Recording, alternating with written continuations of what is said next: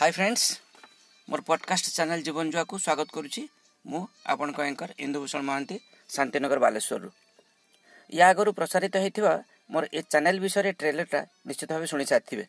ଏବେ ମୁଁ ମୋ ଜୀବନ ଜୁଆ ପୁସ୍ତକର ପ୍ରଥମ ଗଳ୍ପ ବିଷୟରେ କିଛି କଥା କହିବାକୁ ଚାହିଁବି। ପ୍ରାୟ ଦୁଇ ତିନି ବର୍ଷ ତଳେ ମୁଁ ଥରେ ବୁଲି ଯାଇଥିଲି ସମୁଦ୍ର କୂଳକୁ ପ୍ରକୃତି ନିବାସ ପାଖକୁ। ଅତି ଛୋଟ ପର୍ଯ୍ୟଟନ ସ୍ଥଳୀଟିଏ ତାର ଦକ୍ଷିଣ ପାଖକୁ ରହିଛି ଛୋଟ ନାଳ। ଦେଖିଲି ଜଣେ ଲୋକ କାଦୁଅ ଘାଣ୍ଟି ନାଳରୁ ଉପରକୁ ଉଠି ଆସୁଛି। ହାତରେ ତାର ଥାଏ ଖାଲି ବ୍ୟାଗ୍ଟିଏ ପଚାରିଲି କ'ଣ ହେଲା ଭାଇ? ଆଜି କିଛି ମାଛ ପାଇଲୁନି କି? ସେ ପ୍ରଶ୍ନ କଲା ମାଛ? ମୁଁ ପୁଣି ପଚାରିଲି ଖାଲି ବ୍ୟାଗ୍ ଧରି ଆସୁଛ ଯେ? ସେ ଉତ୍ତର ଦେଲା ନା ନା ମୁଁ ମାଛ ପାଇଁ ଯାଇନଥିଲି। ମୁଁ ମୋ ଘରୁ ଆସୁଛି ପରା। କିଛି ବୁଝିପାରିଲିନି ମୁଁ। ପୁଣି ପଚାରିଲି ଘରୁ ଆସୁଛ ମାନେ? ଲୋକଟି ଦରିଆ ଆଡ଼କୁ ହାତ ଦେଖି ହସି ଦେଇ କହିଲା ଦକ୍ଷିଣକୁ ସେ ଯେଉଁ ଚଢ଼ ଦେଖାଯାଉଛି ଆଉ ତା ଉପରେ ଝାଉଁ ଜଙ୍ଗଲଟା? ତାରି ଭିତରେ ଆମେ ସବୁ ଘର କରି ରହିଛୁ ସେଠି ଚାଳିଶ ପଚାଶଟା ଘର ଅଛି ସ୍କୁଲ ଦୋକାନ ବି ଅଛି ସେ ତା ବାଟରେ ଚାଲିଗଲା ମୁଁ ଭାବୁଥିଲି ଦରିଆ ମଝିରେ ଚଢ଼ ଉପରେ ପୁଣି ଘର। କେବେ ଯଦି ସୁନାମି ବା ସାମୁଦ୍ରିକ ଝଡ଼ ହୁଏ ତେବେ କ'ଣ ହେବ ଏମାନଙ୍କର? ଏହି କଥାକୁ ପୃଷ୍ଠଭୂମିରେ ରଖି ସୃଷ୍ଟି ହେଲା ମୋର ପ୍ରଥମ ଗଳ୍ପ ଜୀବନ ଜୁଆ। ଗଳ୍ପଟି ଟିକେ ଲମ୍ବା ଏବଂ ସମ୍ପୂର୍ଣ୍ଣ କାଳ୍ପନିକ। ତେଣୁ ଆପଣମାନଙ୍କ ଧୈର୍ଯ୍ୟ ତଥା ସମୟକୁ ଲକ୍ଷ୍ୟ ରଖି ମୁଁ ଗପଟିକୁ ଦୁଇ ତିନିଟା ସେଗମେଣ୍ଟରେ ଶୁଣାଇବି। ତେଣୁ ଚାଲନ୍ତୁ ଅପେକ୍ଷା କାହିଁକି? ଗପକୁ ଶୁଣିବା ମୋର ନେକ୍ସଟ ସେଗମେଣ୍ଟରେ ମୋର ଜୀବନ ଜୁଆ ପୁସ୍ତକର ପ୍ରଥମ ଗଳ୍ପର ନାମ ହେଉଛି ଜୀବନ ଜୁଆ ଗପଟି ତାହେଲେ ଆରମ୍ଭ କରିବା? ଜାଗାଟିର ନାମ ହେଉଛି ଦରିଆପାଲି। ଆକାରରେ ଛୋଟ ହେଲେ ବି ସମସ୍ତେ ତାକୁ ଗାଁ ହିସାବରେ ଜାଣନ୍ତି। ବାଲେଶ୍ୱର ଜିଲ୍ଲାର ଉତ୍ତର ପୂର୍ବ ସୀମାରେ ତାଳସାରୀ ତାର ପଶ୍ଚିମକୁ ପ୍ରାୟ ପାଞ୍ଚ କିଲୋମିଟର ଦୂରରେ ଅବସ୍ଥିତ ପ୍ରକୃତି ନିବାସ। ତାର ଆଗକୁ ଦକ୍ଷିଣକୁ ସରୁ ନାଳଟିଏ ଏବଂ ନାଳର ଦକ୍ଷିଣକୁ ଅନେକ ଆଗରୁ ସମୁଦ୍ର ଛାଡ଼ିଯାଇଛି ବିସ୍ତୀର୍ଣ୍ଣ ବାଲିଚଢ଼ ତାରି ଉପରେ ଓଡ଼ିଶା ସରକାରଙ୍କ ବନ ବିଭାଗ ଦ୍ୱାରା ଲଗାଯାଇଥିବା ଝାଉଁ ଜଙ୍ଗଲଟା ଖୁବ୍ ଭଲ ଭାବେ ଦେଖାଯାଏ କୂଳକୁ। ସେହି ଜଙ୍ଗଲ ଭିତରେ ପରସ୍ପରକୁ ଲାଗି ଲାଗି କାଳକ୍ରମେ ଗଢ଼ି ଉଠିଥିଲା ମତ୍ସ୍ୟଜୀବୀମାନଙ୍କର ଛୋଟ ଛୋଟ ବାରଟି କୁଡ଼ିଆ କିଏ ଆସିଥିଲା ଜଗତସିଂହପୁରରୁ ତ କିଏ ଭଦ୍ରକରୁ। କାହା ଘର ଚାନ୍ଦିପୁର ତ କିଏ ଥିଲା ପଡ଼ୋଶୀ ରାଜ୍ୟ ପଶ୍ଚିମବଙ୍ଗର ଦୀଘା ଅଞ୍ଚଳର। ସମସ୍ତେ କିନ୍ତୁ ଧୀବର ସମ୍ପ୍ରଦାୟର। ଭିନ୍ନ ଭିନ୍ନ ଅଞ୍ଚଳରୁ ଆସିଥିଲେ ବି ସମସ୍ତଙ୍କୁ ଗୋଟିଏ ସୂତ୍ରରେ ବାନ୍ଧି ରଖିଥିଲେ ନିଧି ନନା। ଦୟାନିଧି ବେହେରା ସମସ୍ତଙ୍କ ପାଖରେ ନିଧି ନନା ଭାବରେ ପରିଚିତ। ତାଙ୍କ ନିଜ ମୂଳ ବାସସ୍ଥାନ ଥିଲା ଭଦ୍ରକ। ବେଶ କିଛି ଜମିଜମା ସାଙ୍ଗକୁ ମାଛ ବ୍ୟବସାୟ ତାଙ୍କର ଖୁବ୍ ଭଲ ଚାଲିଥିଲା। କିନ୍ତୁ କାହା କୁଦୃଷ୍ଟି ପଡ଼ିଲା କେ ଜାଣେ ଭାଇମାନଙ୍କ ସହ ପ୍ରଥମେ ମତାନ୍ତର ତାପରେ ମନାନ୍ତର ଏବଂ ଶେଷରେ ସ୍ଥାନାନ୍ତର। ଅନେକ ଦିନ ଆଗରୁ ନିଧି ନନା ବାଛି ରଖିଥିଲେ ଏଇ ଜାଗାଟିକୁ। ପ୍ରଥମେ ଯେଉଁଦିନ ପାଗ ଖରାପ ଯୋଗୁଁ ସମୁଦ୍ରରେ ଡଙ୍ଗା ରଖି ପ୍ରାଣ ବଞ୍ଚାଇବା ପାଇଁ ତାଙ୍କ ସାଥୀମାନଙ୍କ ସହ ଚାଲି ଆସିଥିଲେ ଏହି ଜାଗାକୁ। ସେଦିନ ସେ ନିଜେ ବି ଜାଣିନଥିଲେ ଯେ କିଛି ବର୍ଷ ବ୍ୟବଧାନ ପରେ ଏହି ଜାଗାଟା ହେବ ତାଙ୍କ ଭବିଷ୍ୟତର ଆଶ୍ରୟସ୍ଥଳ। ପାଞ୍ଚ ବର୍ଷ ପୂର୍ବେ ଗାଁରେ ତାଙ୍କ ଭାଗରେ ମିଳିଥିବା ଜମି ବିକି ନିଜର ଛୋଟ ପରିବାରକୁ ଧରି ଚାଲି ଆସିଥିଲେ ସମୁଦ୍ର ଚାରିପଟେ ଘେରି ରହିଥିବା ବାଲି ଚଢ଼ଟିରେ ବସା ବାନ୍ଧିବାକୁ। ଯେଉଁଠି ନଥିଲା ହିଂସା ଦ୍ୱେଷ ରାଗ ଅହଙ୍କାର ଏବଂ ଭାଇର ଭଗାରୀପଣ। ନିଧିନନାଙ୍କ ଛୋଟ ପରିବାର ପରିବାରରେ ତାଙ୍କର ପତ୍ନୀ ତାରା ଚବିଶ ବର୍ଷର ପୁଅ ଜଗା ଅଠର ବର୍ଷର ଝିଅ ସରୁ। ନିଧି ନନାଙ୍କୁ ଏବେ ଷାଠିଏ ପୁରିଲାଣି? କ୍ଷୀଣ ଶରୀରରେ ନାହିଁ ଏବେ ଆଗର ତେଜ। ଆଗେ ସିନା ଜଗା ସହ ଡଙ୍ଗାରେ ମାଝି ସାଜି ସମୁଦ୍ରରେ ମାଛ ଧରିବାକୁ ଯାଉଥିଲେ ହେଲେ ବୟସ ବଢ଼ିବା ସହ ଶକ୍ତି କମି କମି ଆସିଲାଣି। ଏବେ ଜଗା ହିଁ ସମସ୍ତଙ୍କର ସାହା ଭରସା ବେଶୀ ପାଠ ପଢ଼ିନଥିଲେ ବି ଜଗା ବୁଦ୍ଧିମାନ ଏବଂ ସବୁଥିରେ ଧୁରନ୍ଧର। ମାଛ ଧରା ପ୍ରତି ସେ ଖୁବ୍ ନିଷ୍ଠାବାନ। ଏକୁଟିଆ ସମ୍ଭାଳି ପାରେନା ସବୁ କାମକୁ ଅପେକ୍ଷାରେ ଥାଏ ଭବିଷ୍ୟତରେ ଦିନେ ନା ଦିନେ କେହି ତାକୁ ମିଳିଯିବେ ସାହା ହେବାକୁ। ଅଭାବ ଯୋଗୁଁ ନବମ ଶ୍ରେଣୀରୁ ହିଁ ପାଠରେ ଡୋରି ବାନ୍ଧିଥିଲା ସରୁ ତାର ସାନ ଭଉଣୀ। ଗୋରା ସୁନ୍ଦର ଆକର୍ଷଣୀୟ ରୂପକୁ ଲାଜକୁଳି ସ୍ୱଭାବ। ନୂଆ ଜାଗାଟିରେ ଘର ଦରକାର। ତେଣୁ ପୁରା ପରିବାରର ମିଳିତ ଉଦ୍ୟମରେ ଡଙ୍ଗାରେ ଆଣି ଆସିଥିବା ନଡ଼ା ବାଉଁଶରେ ଝାଉଁ ବଣର ଦକ୍ଷିଣ ପାର୍ଶ୍ୱକୁ ଗଢ଼ି ନେଲେ ଛୋଟ କୁଡ଼ିଆଟିଏ ପୁଣି ଜଳ ହିଁ ଜୀବନ। ଭବିଷ୍ୟତକୁ ଦୃଷ୍ଟିରେ ରଖି ନିଧି ନନା ଘରୁ ଆଣି ଆସିଥିଲେ ସବୁ ସରଞ୍ଜାମ। ବାପ ପୁଅ ଦୁହେଁ ମିଶି କୁଡ଼ିଆ ଆଗରେ ବସାଇଲେ ଅଗଭୀର ନଳାକୂପଟିଏ। ଆଶ୍ଚର୍ଯ୍ୟର କଥା ଚାରିପଟେ ଲୁଣି ପାଣି ପରିବେଷ୍ଟିତ ଚଢ଼ଟିରେ ନଳକୂପର ସୁମଧୁର ବାରି ଏମାନଙ୍କ ଥିଲା ଅମୃତର ଝର ସଦୃଶ। ମିଠା ପାଣି ବାହାରୁଥିଲା। ଏମିତି ଆରମ୍ଭ ହେଲା ନିଧି ନନାଙ୍କ ନୂଆ ଜୀବନ ଯାତ୍ରା ଈଶ୍ୱର ଅଛନ୍ତି କି ନା ଏଇଟା ଗୋଟେ ତର୍କର ବିଷୟ ହେଇଥିଲେ ବି ଆମ ସଂସ୍କୃତିରେ ଦେବଦେବୀଙ୍କ ମାନ୍ୟତା ସର୍ବସ୍ୱୀକାର୍ଯ୍ୟ ଏବଂ ଚିରସ୍ଥାୟୀ। ନିଜ ହୃଦୟ ଭିତରେ ଭକ୍ତ ତାର ଭଗବାନଙ୍କୁ ଖୋଜିପାଏ ଏକ ନିର୍ଦ୍ଦିଷ୍ଟ ରୂପରେ। ବିଶ୍ୱାସ ଚଳେଇ ଜଗତ। ଏଥିରୁ ଭଗବତୀ ବିଶ୍ୱାସୀ ନିଧି ନନେବା କେମିତି ବାଦ ପଡ଼ିଥାନ୍ତେ? ବନ୍ଦର ତିଆରି ପାଇଁ ଟ୍ରକରେ ଯାଉଥିବା ପଥରରୁ ଖସି ପଡ଼ିଥିବା ବଡ଼ ପଥର ଖଣ୍ଡେ ସେ ଆଣି ଆସିଥିଲେ ଡଙ୍ଗାରେ। ଉଦ୍ଦେଶ୍ୟ ଥିଲା ତାଙ୍କର ଅତି ମହତ୍। ବିଶ୍ୱାସରେ ସେହି ପଥରଟି ଏବେ ପାଲଟି ଯାଇଛନ୍ତି ମା ଦରିଆରାଣୀ ଦରିଆପାଲିର ଅଧିଷ୍ଠାତ୍ରୀ ଦେବୀ। ନିଧିନନାକ କୋଡ଼ିଆ ଆଗରେ ମହିଷୀମାନଙ୍କ ଓସାରିଆ ଚଲାବାଟ ତାର ଦକ୍ଷିଣକୁ ଛୋଟିଆ ବରଗଛ ମୂଳରେ ନଡ଼ା ଛପରର କୁଡ଼ିଆରେ ମା ଦରିଆରାଣୀଙ୍କ ଆସ୍ଥାନ। ସିନ୍ଦୁର ଚର୍ଚ୍ଚିତା ମା ସବୁଦିନେ ପୂଜା ପାଉଥିଲେ। ସକାଳ ସନ୍ଧ୍ୟାରେ ବିନା ଫଳ ପୁଷ୍ପରେ ଚାନ୍ଦିପୁର ଅଞ୍ଚଳରୁ କାଳିଆ ତାର ପରିବାର ନେଇ ଆସି ପହଞ୍ଚିଥିଲା ଦରିଆପାଲିରେ ଦ୍ୱିତୀୟ ପରିବାର ହିସାବରେ। ନିଧିନନାଙ୍କ କୁଡ଼ିଆକୁ ଲାଗି କାଳିଆର ଛୋଟ କୁଡ଼ିଆ ବିଧବା ମା ରାଧି ଭଉଣୀ କାଳିକୁ ନେଇ ତାର ସୁଖୀ ପରିବାର। ତିନି ବର୍ଷ ତଳେ ଜଗା ସହ କାଳିଆର ପରିଚୟ ହୋଇଥିଲା ଚାନ୍ଦିପୁର ବେଳାଭୂମି ମହୋତ୍ସବରେ। ସେଇଥିପାଇଁ ଜଗାର ଆମନ୍ତ୍ରଣକୁ ଉପେକ୍ଷା କରି ନ ପାରି କାଳିଆ ଚାଲି ଆସିଥିଲା ଦରିଆପାଲିକୁ। ପୂର୍ବର ପରିଚୟ ତଥା ସମବୟସ୍କ ଦୃଷ୍ଟିରୁ ଜଗା ସହ କାଳିଆର ଅନ୍ତରଙ୍ଗ ବନ୍ଧୁତା। ଜଗା କାଳିଆଙ୍କ ଯୋଡ଼ିକୁ ଦେଖି ସମସ୍ତେ କହନ୍ତି ଶରୀର ଦୁଇଟି ହେଲେ କ'ଣ ହେବ? ପ୍ରାଣ ଯେମିତି ଗୋଟିଏ। ଲାଗି ରହିଥିବେ ଦୁହେଁ ଦୁହିଁଙ୍କ ପାଖରେ ଛାଇ ଭଳି। ସୁଗଠିତ ଚେହେରାକୁ ବାହୁରେ ଦୁହିଁଙ୍କ ଅମାପ ବଳ ଏବଂ ମନରେ ସବୁକିଛି ଜିତିବାର ଦୃଢ଼ ଇଚ୍ଛା ଶକ୍ତି ପଡ଼ୋଶୀ ହିସାବରେ ଜଗାର ମା ତାରା ସେ ମଧ୍ୟ ଆପଣ ନେଲେ ନୂଆ କରି ଆସିଥିବା କାଳିଆର ମା ରାଧିକୁ ଦିନ କେଇଟାରେ ଆସିବା ଆଗରୁ କାଳି ତା ଭାଇଠାରୁ ଶୁଣିଥିଲା ଜଗାର ସାନ ଭଉଣୀ ସ୍ୱରୁ ବିଷୟରେ। ତେଣୁ ଦରିଆପାଲିକୁ ଆସି ସମବୟସ୍କା ନୂଆ ସାଙ୍ଗ ପାଇଁ କାଳି ବି ଭାରି ଖୁସି ଥିଲା। ଦେହର ରଙ୍ଗ କଳା ପାଇଁ ମା ସିନା ପିଲାବେଳେ ପୁଅର ନାମ କାଳିଆ ଆଉ ଝିଅର ନାମ କାଳି ରଖିଦେଇଥିଲେ ହେଲେ ଡାକିଲା ବେଳେ ଅଜାଣତରେ ଦେବଦେବୀଙ୍କ ନାମକୁ ହିଁ ସ୍ମରଣ କରୁଥିଲେ ସମସ୍ତେ। ଅଭାବ ପାଇଁ କାଳିଆ ଓ କାଳି ଦୁହେଁ ଅଳ୍ପ ଶିକ୍ଷିତ। କାଳିଆଟା ହୁଣ୍ଡା ପ୍ରକୃତିର ଅପରପକ୍ଷେ କାଳି ବୁଦ୍ଧିମତୀ ଏବଂ ଶାନ୍ତ ପ୍ରକୃତିର। କାଳକ୍ରମେ ନିଧିନଣାଙ୍କ ଭରସାରେ ଦରିଆପାଲିରେ ଆସି ଯୋଡ଼ି ହୋଇଗଲେ ବିଭିନ୍ନ ଅଞ୍ଚଳରୁ ଆଉ ଦଶଟି ଧୀବର ପରିବାର। ସମସ୍ତ ନୂଆ ଅତିଥିଙ୍କ କୁଡ଼ିଆ ତିଆରି କରିବାରେ ସାହା ହେଉଥିଲେ ପୂର୍ବରୁ ଆସିଥିବା ପୁରୁଣା ବାସିନ୍ଦା। ନିଧିନଣାଙ୍କ ସର୍ତ୍ତ ଅନୁସାରେ ପ୍ରତି ପରିବାରରେ ଥାନ୍ତି ଜଣେ ଲେଖାଏଁ ଖଟିଖିଆ ଯୁବକ। ପାଞ୍ଚଟି ଛୋଟ ଡଙ୍ଗା ଆଉ କିଛି ମାଛ ଧରା ଜାଲକୁ ମୂଳ ପୁଞ୍ଜି କରି ତିଆରି ହେଲା ବାର ଜଣ ସଦସ୍ୟ ବିଶିଷ୍ଟ ଦରିଆପାଲି ମତ୍ସ୍ୟଜୀବୀ ସଂଘ। ନିଧିନନାଙ୍କ ନୀତି ନିର୍ଦ୍ଦେଶ ଥିଲା ସମସ୍ତଙ୍କ ପାଇଁ ପଥରର ଗାର। ଦଳର ମୁଖ୍ୟ ସଂଗଠକ ଜଗା ଆଉ ତାର ସହଯୋଗୀ କାଳିଆ। ଦରିଆପାଲି ଏବେ ବାରଟି ପରିବାରର ମୋଟ ଚାଳିଶ ଜଣ ସଦସ୍ୟ ବିଶିଷ୍ଟ ଏକ ଛୋଟ ଗାଁ ହିସାବରେ ତାର କାୟା ମେଲେଇ ସାରିଲାଣି। ଉପକୂଳ ଅଞ୍ଚଳରେ ସମସ୍ତେ ଗାଢ଼ ନିଦ୍ରାରେ ଶୋଇଥିବା ବେଳେ ଦରିଆପାଲିରେ ଘରଣୀମାନେ ଭୋର ତିନିଟାରୁ ଉଠି ଲାଗି ପଡ଼ନ୍ତି ଖାଦ୍ୟ ତିଆରି କରିବାରେ। ତେଣେ ରାତି ପାଇଲେ ପିଲାମାନେ ପ୍ରସ୍ତୁତ ହୋଇ ନିଜ ନିଜର ଖାଇବା ଓ ପାଣି ନେଇ ଡଙ୍ଗାରେ ବାହାରିଯିବେ ସମୁଦ୍ରକୁ ମାଛ ଧରିବା ପାଇଁ। ଯେତିକି ମାଛ ଧରିଥିବେ ଦିନ ଥାଉ ଥାଉ ତାଳ ସାରି ଖଟିରେ ବିକି ସନ୍ଧ୍ୟା ହେବା ଆଗରୁ ଫେରି ଆସିବେ ଅବସନ୍ନ ଶରୀରରେ। ଦିନବେଳେ ଖାଁ ଖାଁ କରୁଥିବା ଦରିଆପାଲି ପୁଣି ଚଳଚଞ୍ଚଳ ହୋଇ ଉଠେ। ଉପକୂଳବର୍ତ୍ତୀ ଗାଁ ଗୁଡ଼ିକରେ ଉପଲବ୍ଧ ପର୍ଯ୍ୟାପ୍ତ ସୁଖ ସମୃଦ୍ଧି ଠାରୁ ଦରିଆପାଲି ଅନେକ ଦୂରରେ। ବିଜୁଳି ଆଲୁଅରେ ଉପକୂଳ ଗାଁ ସବୁ ଝଲସୁଥିବା ବେଳେ ଦରିଆପାଲିରେ ଲଣ୍ଠନ ଓ ଡିବିରି ସାହା ଯାବତୀୟ ସରକାରୀ ସହାୟତା ସେମାନଙ୍କ ପାଇଁ ସାତ ସପନ। ରାଜ୍ୟ ମାନଚିତ୍ରରୁ ଅଲଗା ଦରିଆପାଲି ଆବଶ୍ୟକ ସାମାନ୍ୟତମ ସୁବିଧାରୁ ବଞ୍ଚିତ। ତଥାପି ବଞ୍ଚି ରହିବା ପାଇଁ ଦରିଆପାଲିରେ ସବୁଦିନେ ଲାଗିଥାଏ ଜୀବନ ସଂଗ୍ରାମ। ଦିନେ ଝାଉଁ ଜଙ୍ଗଲ ରକ୍ଷଣାବେକ୍ଷଣ ଦାୟିତ୍ୱରେ ଥିବା ଫରେଷ୍ଟ ଗାର୍ଡ ଦୂରରୁ ଦେଖି ଆଶ୍ଚର୍ଯ୍ୟ ହେଲେ ଆରେ ଇଏ କ'ଣ? ଏଇ ମାସେ ଦୁଇ ମାସ ଭିତରେ ଏଠି ଏତେ ଗୁଡ଼ାକ ଘର ହେଇଗଲାଣି ଯେ? ବରଗଛ ମୂଳରେ ବସିଥିବା ନିଧିନନାଙ୍କୁ ଦେଖି ପଚାରିଲେ ଆରେ ହେଇ ତମେ ସବୁ କୋଉଠୁ ଆସିଛ ଯେ? କାହାକୁ ପଚାରି ଏଠି ଘର କରି ରହିଛ? ନିଧିନନା ପଚାରିଲେ ଏଠି ଘର କରି ରହିବାକୁ ହେଲେ କାହାକୁ ପୁଣି ପଚାରିବାକୁ ହେବ ନା କ'ଣ? ବନରକ୍ଷୀ ଜଣକ କହିଲେ ଜାଣିଛ ନା ଏ ପୁରା ଜଙ୍ଗଲଟା ହେଉଛି ଫରେଷ୍ଟ ଡିପାର୍ଟମେଣ୍ଟର। ଆମ ଫରେଷ୍ଟର ସାର୍ ଯଦି ଏକଥା ଶୁଣିବେ କ'ଣ ହେବ ଅନୁମାନ କରିପାରୁଛ ତ? ନିଧିନନାଙ୍କ ମୁଣ୍ଡରେ ଚଡ଼କ ପଡ଼ିଲା ସତ କଥା ତ? ନାନା ଆଡ଼ୁ ବିଚରା ବାସ୍ତୁହରା ପରିବାର କେତେଟାକୁ ଗୋଟିଏ ଆଣି ଆସିବାଟା ତାଙ୍କର କ'ଣ ଭୁଲ ହେଇଗଲା? କ'ଣ କରିବେ ଏବେ? ଏଇ ଅଳ୍ପ ଦିନ ତଳେ ଆସି ଘର କରି ରହିଥିବା ସମସ୍ତଙ୍କୁ ସେ କେମିତି କହିବେ ଯେ ଏ ଜାଗା ଛାଡ଼ି ଚାଲିଯିବା ପାଇଁ? ଦୋଷୀ ଭଳି ତଳକୁ ମୁଣ୍ଡ ପୋତି ବସିଥାନ୍ତି ନିଧିନନା।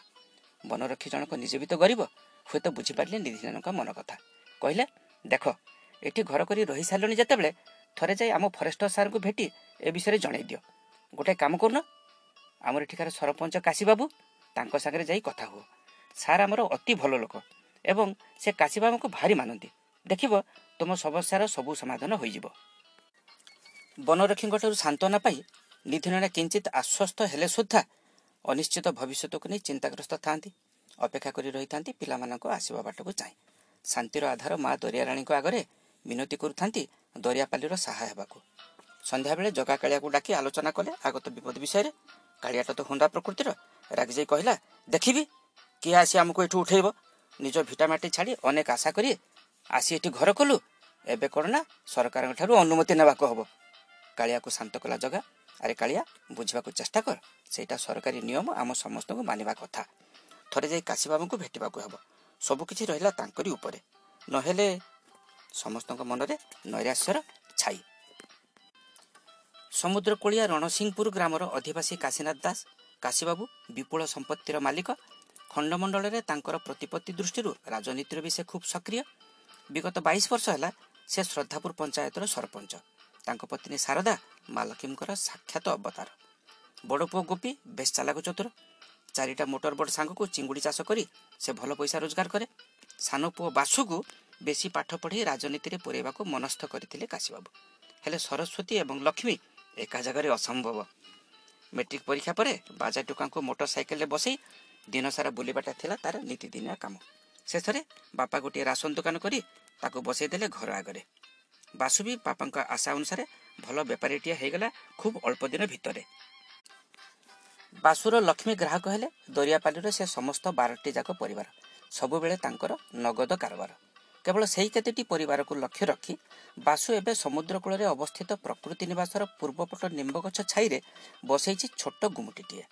ସେମାନଙ୍କ ଆବଶ୍ୟକ ମୁତାବକ ତେଲ ଲୁଣ କିରାସିନି ଡାଲି ଚାଉଳ ସବୁକିଛି ଜିନିଷ ରଖିଥାଏ ବାସୁ ତାର ଛୋଟ ଦୋକାନଟିରେ।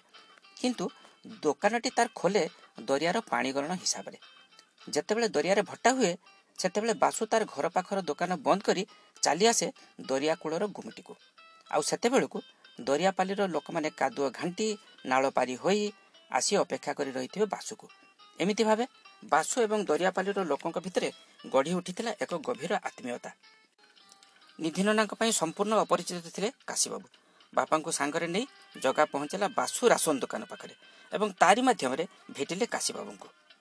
ତାଙ୍କ ପଞ୍ଚାୟତ ସୀମା ଭିତରେ ନଥିଲେ ବି ସେ ନିରୀହ ଗରିବ ଲୋକମାନଙ୍କୁ ଦେଖି ତାଙ୍କ ମନରେ ଦୟାଭାବର ଉଦ୍ରେକ ହେଲା। କାଶୀବାବୁ ସବୁ କାମ ଛାଡ଼ି ଭେଟିଲେ ପ୍ରଥମେ ଫରେଷ୍ଟର ବାବୁଙ୍କୁ। ନୀତି ନିୟମରେ ବନ୍ଧା ଫରେଷ୍ଟର ବାବୁ। ସେ କହିଲେ ଦେଖନ୍ତୁ ଝାଉଁ ଜଙ୍ଗଲଟା ହେଉଛି ସରକାରୀ ଜାଗା। କେବଳ ରକ୍ଷଣାବେକ୍ଷଣର ଦାୟିତ୍ୱଟା ହେଉଛି ଆମ ଉପରେ। ଭବିଷ୍ୟତରେ ସେମିତି କିଛି ବିପଦ ହେଲେ ବୁଝାଇବାକୁ ଚେଷ୍ଟା କଲେ କାଶୀବାବୁ। ଦରିଦ୍ର ପରିବାର କେତେଟା ଜୀବିକା ଉଦ୍ଦେଶ୍ୟରେ ଆସି ଆଶ୍ରୟ ନେଇଛନ୍ତି ସେଥିରେ ପୁଣି ବିପଦ କ'ଣ? ଏମାନେ ତ ଆପଣଙ୍କର କିଛି କ୍ଷତି କରୁନାହାନ୍ତି। ବରଂ ଏମାନଙ୍କ ପାଇଁ ଆପଣଙ୍କ ଝାଉଁ ଜଙ୍ଗଲ ସୁରକ୍ଷିତ ରହିବ। ଘର କରି ରହିଗଲେଣି ଯେତେବେଳେ ଏମାନଙ୍କୁ ବାସ୍ତୁହାରା କରିବାଟା ଠିକ୍ ହେବନି ଭାବୁଛି। ବୟୋଜ୍ୟେଷ୍ଠ ତଥା ମାନ୍ୟଗଣ୍ୟ କାଶୀବାବୁଙ୍କ କଥାରେ ରାଜି ହେଲେ ଫରେଷ୍ଟର ବାବୁ। ନିରାଶାରେ ଆଶାର ସଞ୍ଚାର ହେଲା ନିଧିନନାଙ୍କ ମନରେ। ଯାହା କାଶୀବାବୁ ଥିଲେ ବୋଲି ତାଙ୍କ ସ୍ୱପ୍ନର ଦରିଆପାଲି ଆଜି ଉଜୁଡ଼ି ଯିବାରୁ ବଞ୍ଚିଗଲା। କାଶୀବାବୁଙ୍କ ପାଖରେ ଚିର ଋଣୀ ହୋଇ ରହିଗଲେ ନିଧିନନା। କାଶୀବାବୁଙ୍କ କୃପା ବଳରେ ଦରିଆପାଲି ଏବେ ଗତିଶୀଳ। ସପ୍ତାହର ଗୁରୁବାର ଦିନଟା ପିଲାଙ୍କ ପାଇଁ ବିଶ୍ରାମର ଦିନ।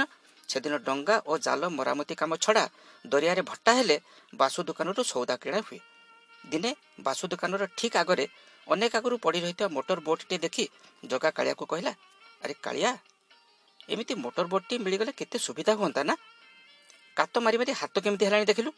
କାଳିଆ କହିଲା ଆକାଶ କଇଁଆ ଚିଲିକା ମାଛ କାହିଁକି ସେ ମିଶ ସ୍ୱପ୍ନ ଦେଖୁଛୁ ରେ ଭାଇ? ଆଶାବାଦୀ ଜଗା ସାହସ ବାନ୍ଧି ପଚାରିଲା ବାସୁକୁ ବାସୁ ଭାଇ ଏ ମୋଟର ବୋଟ୍ଟା କାହାର କି? ବାସୁ କହିଲା ଏଇଟା ମୋ ଗୋପୀ ଭାଇର ପରା। ବର୍ଷା ହେଲା ତାର ମୋଟରଟା ଖରାପ ହେଇ ପଡ଼ିଛି ଯେ କାହିଁକି? କିଣିବ ନା କ'ଣ? ହତାଶ ସ୍ୱରେ ଜଗ କହିଲା ଭାଇ ଆମର ବଳ କାହିଁ ଯେ କିଣିବୁ ଆଚ୍ଛା ଗୋଟେ କାମ କରୁନ ତମ ଭାଇକୁ କହି ଏଇଟା ଆମ ପାଇଁ ଯୋଗାଡ଼ କରିଦିଅନ୍ତିନି ବାସୁ ଠିକ୍ ଅଛି କାଲି ନିଧି ନନାକୁ ନେଇ ଆସ ଆଉ ବାପାଙ୍କୁ ଦେଖା କରି କୁହ ସେ ତ ତୁମକୁ ଭଲ ଭାବରେ ଜାଣିଛନ୍ତି ଗଲାଥର ଫରେଷ୍ଟର ବାବୁଙ୍କ ପାଖକୁ ଯାଇଥିଲେ ବାପା କହିଲେ ହୁଏତ ଭାଇ ରାଜି ହେଇଯାଇପାରେ ମନରେ ଅନେକ ଆଶା ନେଇ ପୁଣି ଥରେ ଜଗା ସହ ନିଧି ନନା କାଶୀବାବୁଙ୍କ ଦ୍ୱାରସ୍ଥ ହେଲେ ଏଥର ମଧ୍ୟ ବାସୁ ବାପାଙ୍କ ପାଖରେ ନିଧି ନନାଙ୍କ ପାଇଁ ସୁପାରିଶ କଲା ଯେତେବେଳେ ସେମାନେ ତାର ନୀତିଦିନିଆ ଗ୍ରାହକ କାଶୀବାବୁ କହି ଭାବିଲେ କିଛି ସରକାରୀ ସାହାଯ୍ୟ ତ ଦେଇପାରୁନାହାନ୍ତି ଯଦି ବୋଟ୍ଟା ପାଇଁ ସେମାନଙ୍କ ଜୀବନର ମାନ ବୃଦ୍ଧି ହୁଏ ତେବେ ସେ ଅନେକ ଖୁସି ହେବେ। ଗୋପୀକୁ ଡାକି ପଚାରିଲେ ଆରେ ଗୋପୀ ତ ସେ ମୋଟର ବୋଟ୍ଟା କାହିଁକି ବେକାର ହେଇ ପଡ଼ିଛି କି? ଗୋପୀ ଉତ୍ତର ଦେଲା ତାର କେବଳ ମୋଟରଟା ଯାହା ଖରାପ ହେଇଛି। ପୁଣି ଏବେ ତ ସମସ୍ତଙ୍କର ନିଜ ନିଜର ବୋଟ୍ ହେଲାଣି। ଠିକ୍ କରି ଲାଭ କ'ଣ? କାଶୀବାବୁ କହିଲେ କେତେ ଟଙ୍କା ଖର୍ଚ୍ଚ ହେବ କିରେ? ଗୋପୀ କହିଲା ଟଙ୍କା ଦଶ ହଜାର ଲାଗିବ ଯେ ହେଲେ କାଶୀବାବୁ ପୁଣି ପଚାରିଲେ ଯେ ପଡ଼ି ପଡ଼ି ନଷ୍ଟ ହେବା ଅପେକ୍ଷା ତାକୁ ଶୀଘ୍ର ଠିକ୍ କର ଇଏ ହେଉଛନ୍ତି ଦରିଆପାଲିର ନିଧି ନନା ୟାଙ୍କୁ ଚିହ୍ନି ରଖ। ତାଙ୍କର ବୋଟ୍ଟିଏ ନିହାତି ଦରକାର। ସପ୍ତାହ ଭିତରେ ବୋଟ୍ଟା ବି ପ୍ରସ୍ତୁତ ହେଇଗଲା। ବାସୁ ପାଖରୁ ଖବର ପାଇ ନିଧି ନନା ଜଗାକାଳିଆକୁ ନେଇ ପହଞ୍ଚିଲେ କାଶୀବାବୁଙ୍କ ଘରେ। ଅଚିହ୍ନା ଲୋକଙ୍କ ହାତକୁ ଆଠ ଦଶ ଲକ୍ଷ ଟଙ୍କାର ବୋଟ୍ଟିକୁ ବିନା କାଗଜପତ୍ରରେ ବିନା ଜମାନତରେ ଦେଇଦେବାଟା ଗୋପୀକି ଅଡ଼ୁଆ ଲାଗୁଥିଲା। ତଥାପି ସବୁକିଛିକୁ ସହଜ କଲେ କାଶୀବାବୁ। ଗୋପୀ ଏବଂ ନିଧି ନନାଙ୍କ ମଧ୍ୟରେ ବୁଝାମଣା ହେଲା ପ୍ରତି ମାସ ଶେଷରେ ନିଧି ନନାଙ୍କୁ ବୋଟ୍ ଭଡ଼ା ବାବଦକୁ ପାଞ୍ଚ ହଜାର ଟଙ୍କା ଦେବାକୁ ହେବ।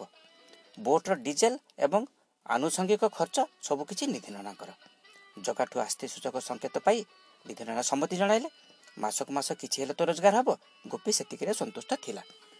ଦରିଆପାଲି ଉପରେ କାଶୀବାବୁଙ୍କ ପରିବାରର ଋଣ ଭାରଟା ବଢ଼ିଗଲା ଅନେକ ମାତ୍ରାରେ। ବୋଟ୍ଟା ପାଇଲା ପରେ ଜଗା କାଳିଆଙ୍କ ଖୁସି କହିଲେ ନ ସରେ। ଦରିଆପାଲିବାସୀଙ୍କ ମନରେ ଏବେ ନୂତନ ଉତ୍ସାହ ପିଲାମାନଙ୍କର କଷ୍ଟ ଲାଘବ ସାଙ୍ଗକୁ ରୋଜଗାରରେ ବୃଦ୍ଧିର ସମ୍ଭାବନା। ବାସୁଠାରୁ ଡିଜେଲ ପକାଇ ସମସ୍ତେ ମିଶି ବୋଟ୍ଟାକୁ ଟାଣି ଟାଣି ନେଇଗଲେ। ଦରିଆପାଲିରୁ ଅଳ୍ପ ଦୂରରେ ଥିବା ସରୁ ନାଳ ପାଖକୁ ଯେଉଁଠି ତାଙ୍କ ଡଙ୍ଗାଗୁଡ଼ିକ ଧାଡ଼ି ଧାଡ଼ି କରି ରଖାଯାଏ ସବୁଦିନେ। ସରୁ କାଳି ଆସି ବୋଟ୍ ଆଗରେ ନାମ ଲେଖିଦେଲେ ଓଂ ମା ଦରିଆରାଣୀ! ସବୁଦିନେ ପିଲାମାନେ ପ୍ରଥମେ ଆସି ନିଜ ନିଜ ଡଙ୍ଗାକୁ ବୋଟ୍ ସହ ପଛକୁ ପଛ ମୋଟା ଦଉଡ଼ିରେ ବାନ୍ଧି ଦିଅନ୍ତି। ଆଗରୁ ଜଗା ପାଖରେ ମୋଟର ବୋଟ୍ ଚଳାଇବାର ଯଥେଷ୍ଟ ଅଭିଜ୍ଞତା ଅଛି। ଜଗା ଧୂପ ଜାଳି ପୂଜା କରେ ବୋଟ୍ରେ। ଜୟ ମା ଦରିଆରାଣୀ ଏମିତି ସମୂହ ଧ୍ୱନି ଉଚ୍ଚାରଣ ପରେ ବୋଟ୍ ଆଗେଇ ଯାଏ ସମୁଦ୍ରରେ ଦୂରକୁ ଅନେକ ଦୂରକୁ।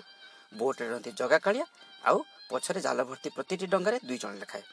ବେସୁରା ସ୍ୱରରେ କାଳିଆ ଗାଇ ଚାଲେ ଯା ଯା ରେ ଭାସି ଭାସି ଯା ନୌକା ମୋର ଭାସି ଯା।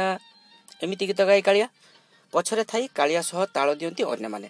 ଯନ୍ତ୍ରଚାଳିତ ବୋଟ୍ଟି ପାଇ ସମସ୍ତେ ଭୁଲିଗଲେ ବିଗତ ମାସେ ଦୁଇ ମାସର ଦୁଃଖ କଷ୍ଟକୁ। ପିଲାମାନଙ୍କ ଯିବା ପରେ ଅନ୍ୟମାନଙ୍କ ସହ ନିଧିନନା ଚାହିଁ ବସନ୍ତି। ଦରିଆ ବକ୍ଷରେ ସେମାନେ ଅଦୃଶ୍ୟ ହେବା ପର୍ଯ୍ୟନ୍ତ। ସେମାନଙ୍କ ଶୁଭ ମନାସନ୍ତି ମା ଦରିଆରାଣୀଙ୍କ ପାଖରେ। ଆଗ ଅପେକ୍ଷା ପିଲାଙ୍କ ରୋଜଗାର ଅନେକ ଗୁଣରେ ବଢ଼ିଗଲାଣି। କାଶୀବାବୁଙ୍କ ଦୟାରୁ ଏବେ ଦରିଆପାଲିରେ ଆର୍ଥିକ ସ୍ୱଚ୍ଛଳତା ସେମାନଙ୍କ ଦୈନନ୍ଦିନ ଜୀବନଶୈଳୀରେ ଯଥେଷ୍ଟ ଉନ୍ନତି। ବ୍ୟବସାୟରୁ ସମସ୍ତେ ନିଜ ନିଜର ଭାଗ ନେବା ପରେ ପ୍ରତିଦିନ କିଛି କିଛି ଟଙ୍କା ସଞ୍ଚୟ ହୁଏ ବୋଟ୍ ଭଡ଼ା ବାବଦକୁ। ଦରିଆପାଲିରେ ସବୁଠାରୁ ଶିକ୍ଷିତା ଦୃଷ୍ଟିରୁ ହିସାବ ରକ୍ଷିକା ସରୁ ପାଖରେ ସବୁ ଟଙ୍କା ଜମା ହୁଏ। ପ୍ରତି ମାସ ଶେଷରେ ବୋଟ୍ ଭଡ଼ା ଦେବାରେ ହେଳା କରନ୍ତି ନାହିଁ ନିଧି ନନା। ଏମିତି ସୁଖରେ କଟିଗଲା ପାଞ୍ଚ ବର୍ଷ। ୟା ପରେ ପରବର୍ତ୍ତୀ ସେଗମେଣ୍ଟରେ ଆଉ ବାକି ତକ ଶୁଣିବା। ଶ୍ରୋତାବନ୍ଧୁ ଜୀବନ ଜୁଆ ଗଳ୍ପର ଫାଷ୍ଟ ସେଗମେଣ୍ଟରେ ଆପଣମାନେ ଶୁଣିଥିଲେ ସରପଞ୍ଚ କାଶୀବାବୁଙ୍କ ସାହାଯ୍ୟ ପାଇ ଦରିଆପାଲିରେ ସମସ୍ତଙ୍କର ସୁଖରେ କଟିଗଲା ପାଞ୍ଚ ବର୍ଷ। ଏବେ ଆସନ୍ତୁ ଶୁଣିବା। ଏହି ସେଗମେଣ୍ଟରେ ଗଳ୍ପର ପରବର୍ତ୍ତୀ ଘଟଣାବଳୀକୁ ଦରିଆପାଲିର ରୂପରେଖା ଧୀରେ ଧୀରେ ବଦଳିବାରେ ଲାଗିଲାଣି। ଦୁଃଖର ଅମା ଅନ୍ଧକାରରୁ ମୁକୁଳି ସମସ୍ତେ ଥାଆନ୍ତି ସୁଖରେ। କିନ୍ତୁ ତାରାଙ୍କ ମନରେ ବିଷାଦର ଛାୟା। ପରିସ୍ଥିତିରେ ପଡ଼ି ପିଲାମାନଙ୍କୁ ନେଇ ପଳାଇ ଆସିଥିଲେ ସିନା ଏଇ ଜାଗାଟିକୁ ଏବେ ଭବିଷ୍ୟତ କଥା ତାଙ୍କୁ ଘାରିଲାଣି। କ୍ରମେ ଝିଅର ବୟସ ବଢ଼ି ବଢ଼ି ଯାଉଛି ତାକୁ ତେଇଶ ପୁରିଲାଣି। ଯେମିତି ହଉ ତାର ବାହାଘରଟା ସରିଗଲେ ନିଶ୍ଚିନ୍ତ ହୁଅନ୍ତେ ସେ। ହେଲେ କିଏ ବା ଆସିବ ଏମିତି ଜାଗାକୁ? ଏତେ ରୂପଗୁଣ ଥାଇବେ? ଝିଅଟି ସତରେ କ'ଣ ଅବିବାହିତା ରହିଯିବ? ଥରେ ଥରେ କାଳିଆକୁ ଦେଖି ଭାବନ୍ତି ଝିଅଟିକୁ ଏଇଠି ପାଖରେ ଦେଇଦେଲେ ଖୁବ୍ ଖୁସିରେ ରୁହନ୍ତା ଝିଅ ଜନ୍ମ ପର ଘରକୁ ପୁଣି ବାପା ଭାଇଙ୍କ ଆର୍ଥିକ ଦୁରବସ୍ଥାକୁ ଦୃଷ୍ଟିରେ ରଖି ସରୁ ତାର ମା କଥାରେ ରାଜି ହୋଇଗଲା। ଏତେ ଦିନ ପର୍ଯ୍ୟନ୍ତ ଭାଇ ବୋଲି ସମ୍ବୋଧନ କରି ଆସୁଥିବା କାଳିଆ ସହ ପରିସ୍ଥିତି ଚାପରେ ପଡ଼ି ବିବାହ ବନ୍ଧନରେ ବାନ୍ଧି ହେବାକୁ ସମ୍ମତି ପ୍ରଦାନ କଲା ସରୁ। ପଡ଼ୋଶୀ ଘରେ ରାଧିଙ୍କର ବି ସମାନ ଅବସ୍ଥା। କେମିତି ପୁଅ ଝିଅଙ୍କ ବାହାଘର ସାରିବେ ସେଇ ଚିନ୍ତାରେ ହଜିଯାଇଛି ତାଙ୍କ ରାତିର ନିଦ। ସରୁଟା ସିନା ଦେଖିବାକୁ ଖୁବ୍ ସୁନ୍ଦର କିଏ ଆସି ଦେଖିଲେ ହୁଏତ ରାଜି ହୋଇଯିବ ହେଲେ କାଳି? କାହିଁକି କେଜାଣି ଭଗବାନ ତାକୁ ଗୋରା ରଙ୍ଗ ଟିକିଏ ଦେବାରେ କୃପଣତା କଲେ ଯେ? ଗାଁରେ ହେଇଥିଲେ ହୁଏତ ଆଖପାଖରେ ନଜର ପକାଇଥାନ୍ତେ କିନ୍ତୁ ଏମିତି ଜାଗାରେ ଥାଇ ସେ କ'ଣ ବା କରିପାରିବେ? ଚିନ୍ତାଗ୍ରସ୍ତ ରାଧିଙ୍କ ମନର ଦ୍ୱନ୍ଦ୍ୱକୁ ବୁଝିପାରି ଦିନେ ତାରା ନିଜ ମନର ଭାବ ପ୍ରକାଶ କଲେ ରାଧିଙ୍କ ଆଗରେ। ତାରାଙ୍କ ପ୍ରସ୍ତାବରେ ସବୁ ସମସ୍ୟାର ସମାଧାନ ପାଇଗଲେ ରାଧି। ସରୁ ତାର ଭାଉଜ ହେବାକୁ ରାଜି ଯେତେବେଳେ ଜଗା ସହ ତାର ବିବାହ ପ୍ରସ୍ତାବରେ କାଳିର ବି କିଛି ଆପତ୍ତି ନଥିଲା। ଦୁଇ ମାସ ପରେ ସେମାନଙ୍କ ବାହାଘର ଜଗା ସହ କାଳିର ଏବଂ କାଳିଆ ସହ ସରୁର ନୂଆ ବନ୍ଧନରେ ବାନ୍ଧି ହେବାର ନୂଆ ଆଶା ଏବେ ଦରିଆପାଲିରେ। ବୋଟ୍ଟା ଆସିବା ଦିନଠୁ ପିଲାମାନେ ସବୁଦିନେ ଯାଆନ୍ତି ସମୁଦ୍ରରେ ମାଛ ଧରିବା ପାଇଁ। ତେଣୁ ବାସୁ ଦୋକାନରୁ ସଉଦା କିଣିବା କାମଟା ସରୁ ଓ କାଳି ଉପରେ ନ୍ୟସ୍ତ ଥାଏ। ଦରିଆରେ ଭଟ୍ଟା ହେଲେ ନାଳ ପାରି ହୋଇ ଯେବେ କାଳି ସହ ସରୁକୁ ଦୂରରୁ ଆସିବାରେ ଦେଖେ ବାସୁ ମନରେ ସୃଷ୍ଟି ହୁଏ ଅମାନିଆ ଝଡ଼। ବାସୁର ବକ୍ର ଚାହାଣୀରେ ସରୁ ନିଜକୁ କେମିତି ଅସହଜ ମନେ କରେ ତେଣୁ କାଳିକୁ ପଠେଇ ଦେଇ ସେ ନିଜେ ଲୁଚି ଠିଆ ହୁଏ ଗୁମୁଟି ପାଖରେ। ସରୁର ସୁନ୍ଦର ରୂପରେ ମନ୍ତ୍ରମୁଗ୍ଧ ବାସୁ। ପ୍ରଥମରୁ ଦେଖିବା ଦିନଠୁ ବାସୁ ମନେ ମନେ ଭଲ ପାଇ ବସିଛି ସରୁକୁ। ସବୁଦିନେ ଭଟ୍ଟା ହେବାର ଅନେକ ଆଗରୁ ଆସି ଦୋକାନ ଖୋଲି ଅପେକ୍ଷା କରି ରହିଥାଏ କେବଳ ସରୁର ଆସିବା ବାଟକୁ ଚାହିଁ। ସୁବିଧା ଅସୁବିଧାରେ ଦିନେ ଅଧେ ସରୁ ଆସି ନ ପାରିଲେ ବାସୁ ନିରାଶ ହୁଏ। ବିଗତ ପାଞ୍ଚ ବର୍ଷ ଭିତରେ ସେ ଦିନେ ହେଲେ ବି ସାହସ ବାନ୍ଧି ସରୁକୁ କହିପାରି ନାହିଁ ସେ ତାକୁ ଭଲ ପାଏ ବୋଲି। କାହିଁକି ନା କାଳେ ସରୁ ଖରାପ ଭାବିବ। ଶେଷରେ ମନକୁ ଦୃଢ଼ କରେ ନା ଆଗଥରକୁ ଯେମିତି ହେଲେ ସରୁ ଆଗରେ ଖୋଲି କରି କହିବ ନିଜ ମନର ଗୋପନ କଥାକୁ। କିନ୍ତୁ ସେଆଡ଼େ ସରୁର ବାହାଘର ଠିକ୍ ହେଇଯାଇଛି କାଳିଆ ସହ। ସେଦିନ ବାସୁ ଭୁଲରେ ତାର ମୋବାଇଲଟା ନ ନେଇ ଦୋକାନକୁ ଯାଇଛି। ଶାରଦାଙ୍କ ନଜର ପଡ଼ିଲା ମୋବାଇଲରେ ଥିବା ସୁନ୍ଦରୀ ଝିଅଟିର ଫଟୋ ଉପରେ। ଅନେକ ଖୁସି ହେଲେ ପୁଅ ଉପରେ। ଯାହା ହଉ ଲାଗୁଛି ଶେଷରେ ଆମ ବାସୁ ଏବେ କେଉଁ ଝିଅକୁ ଭଲ ପାଇଲାଣି।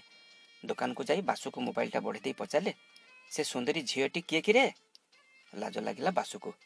କେତେ ଚେଷ୍ଟା କରି ସରୁର ଅଜାଣତରେ ଫଟୋଟା ଉଠେଇ ଆଣିଥିଲା ହେଲେ ଏବେ ମା ଆଗରେ ସେ ଧରା ପଡ଼ିଗଲା। ପୁଣି ଭାବିଲା ଧୀବର ଝିଅ ସରୁ ସହ ତାର ବିବାହରେ ଘରେ କେହି ରାଜି ହେବେ ନାହିଁ। ମା ଦ୍ୱାରା ହିଁ ସେ ତାର ବାପା ଭାଇଙ୍କୁ ମନେଇବାରେ ସଫଳ ହେଇପାରେ। ତେଣୁ ସରଳ ଭାଷାରେ ମା ଆଗରେ ବାସୁ କହିଗଲା ତାର ମନ କଥାକୁ। ପୁଅ କଥା ଶୁଣି ଆଶ୍ଚର୍ଯ୍ୟ ହେଲେ ଶାରଦା। କହିଲେ ଆରେ କ'ଣ କହୁଛୁ ତୁ? ତତେ ଆଉ କେହି ଝିଅ ମିଳିଲେନି ଯେ? ଶେଷରେ ତୁ ଦରିଆପାଲିର ସେ ଧୀବର ଝିଅଟିକୁ ଭଲ ପାଇ ବସିଲୁ? କେମିତି ବୁଝାଇବି ତୋର ବାପା ଭାଇଙ୍କୁ? ଆଉ କ'ଣ ଭାବିବେ ନିଧି ନନା ଦିନେ କାଶୀବାବୁ ସହାୟତାର ହାତ ବଢ଼େଇଥିଲେ କ'ଣ ଏଇଥିପାଇଁ? ଶାରଦା ପୁଣି ଭାବୁଥିଲେ ସ୍ୱୟଂ ଭଗବାନ ଶ୍ରୀକୃଷ୍ଣ ତ ପାଗଳ ହୋଇଥିଲେ ଏଇ ପ୍ରେମ ପାଇଁ ବୟସ ଦୋଷରେ ବାସୁବା କେମିତି ବାନ୍ଧି ରଖିପାରିଥାନ୍ତା ନିଜକୁ?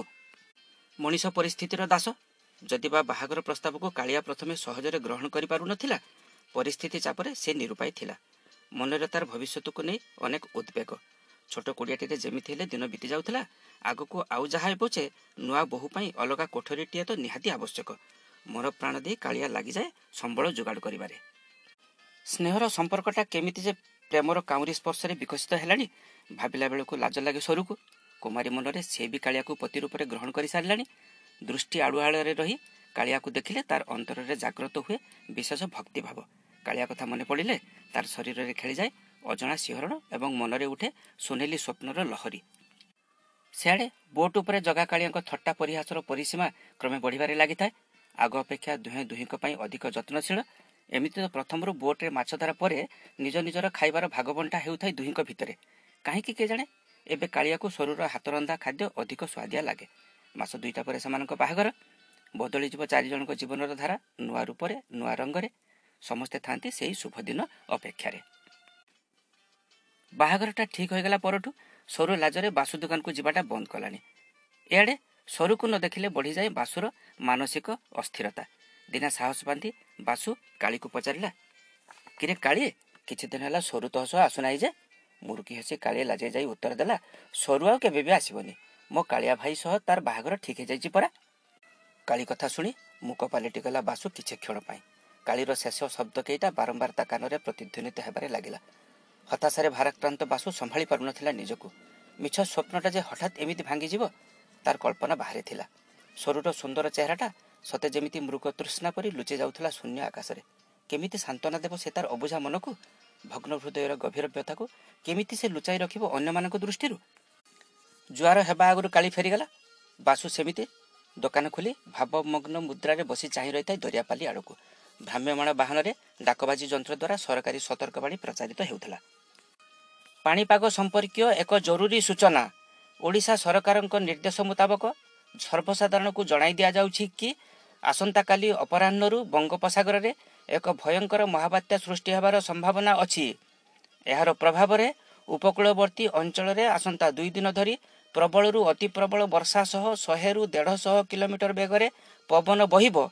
ସମୁଦ୍ରରେ ଦୁଇ ମିଟର ଉଚ୍ଚର ଢେଉ ଉଠିବାର ସମ୍ଭାବନା ଥିବାରୁ ମତ୍ସ୍ୟଜୀବୀମାନଙ୍କୁ ଅଶାନ୍ତ ସମୁଦ୍ର ମଧ୍ୟକୁ ନ ଯିବା ପାଇଁ କଡ଼ା ଚେତାବନୀ ଦିଆଗଲା। ପାଣିପାଗ ସମ୍ପର୍କୀୟ ଏକ ଜରୁରୀ ସୂଚନା। ଏମିତି ଭାବେ ବାରମ୍ବାର ଡାକି ଡାକି ଗାଡ଼ି ଚାଲିଗଲା ତା ବାଟରେ। ବାସୁ ମନରେ ଛନକା ପଶିଲା। ନାଳରେ ସିଆଡ଼େ ଜୁଆର ପାଣି ମାଡ଼ି ଆସିଲାଣି। ଦରିଆପାଲିରୁ ଆଜି ଆଉ କାହାର ଆସିବାର ସମ୍ଭାବନା ନଥିଲା। କେମିତି ସେ ଖବର ପଠାଇବ କୂଳଠାରୁ ଦୂରରେ ଥିବା ଦରିଆପାଲିକୁ? ସେଦିନ ରାତିରେ ନିଦ ନଥିଲା ବାସୁକୁ। ସେଆଡ଼େ ସମ୍ଭାବ୍ୟ ମହାବାତ୍ୟା ମୁକାବିଲା ପାଇଁ ବିଶେଷ ପ୍ରଶାସନିକ ତତ୍ପରତା ନିରାପଦ ସ୍ଥାନକୁ ଲୋକଙ୍କ ସ୍ଥାନାନ୍ତର ପ୍ରକ୍ରିୟାରେ ପର୍ଯ୍ୟାପ୍ତ ପ୍ରସ୍ତୁତି ବିପର୍ଯ୍ୟୟ ପରିଚାଳନା ଦାୟିତ୍ୱରେ ଥିବା ସମସ୍ତ ବିଭାଗ ସର୍ବଦା ସଜାଗ ରହିଥାନ୍ତି।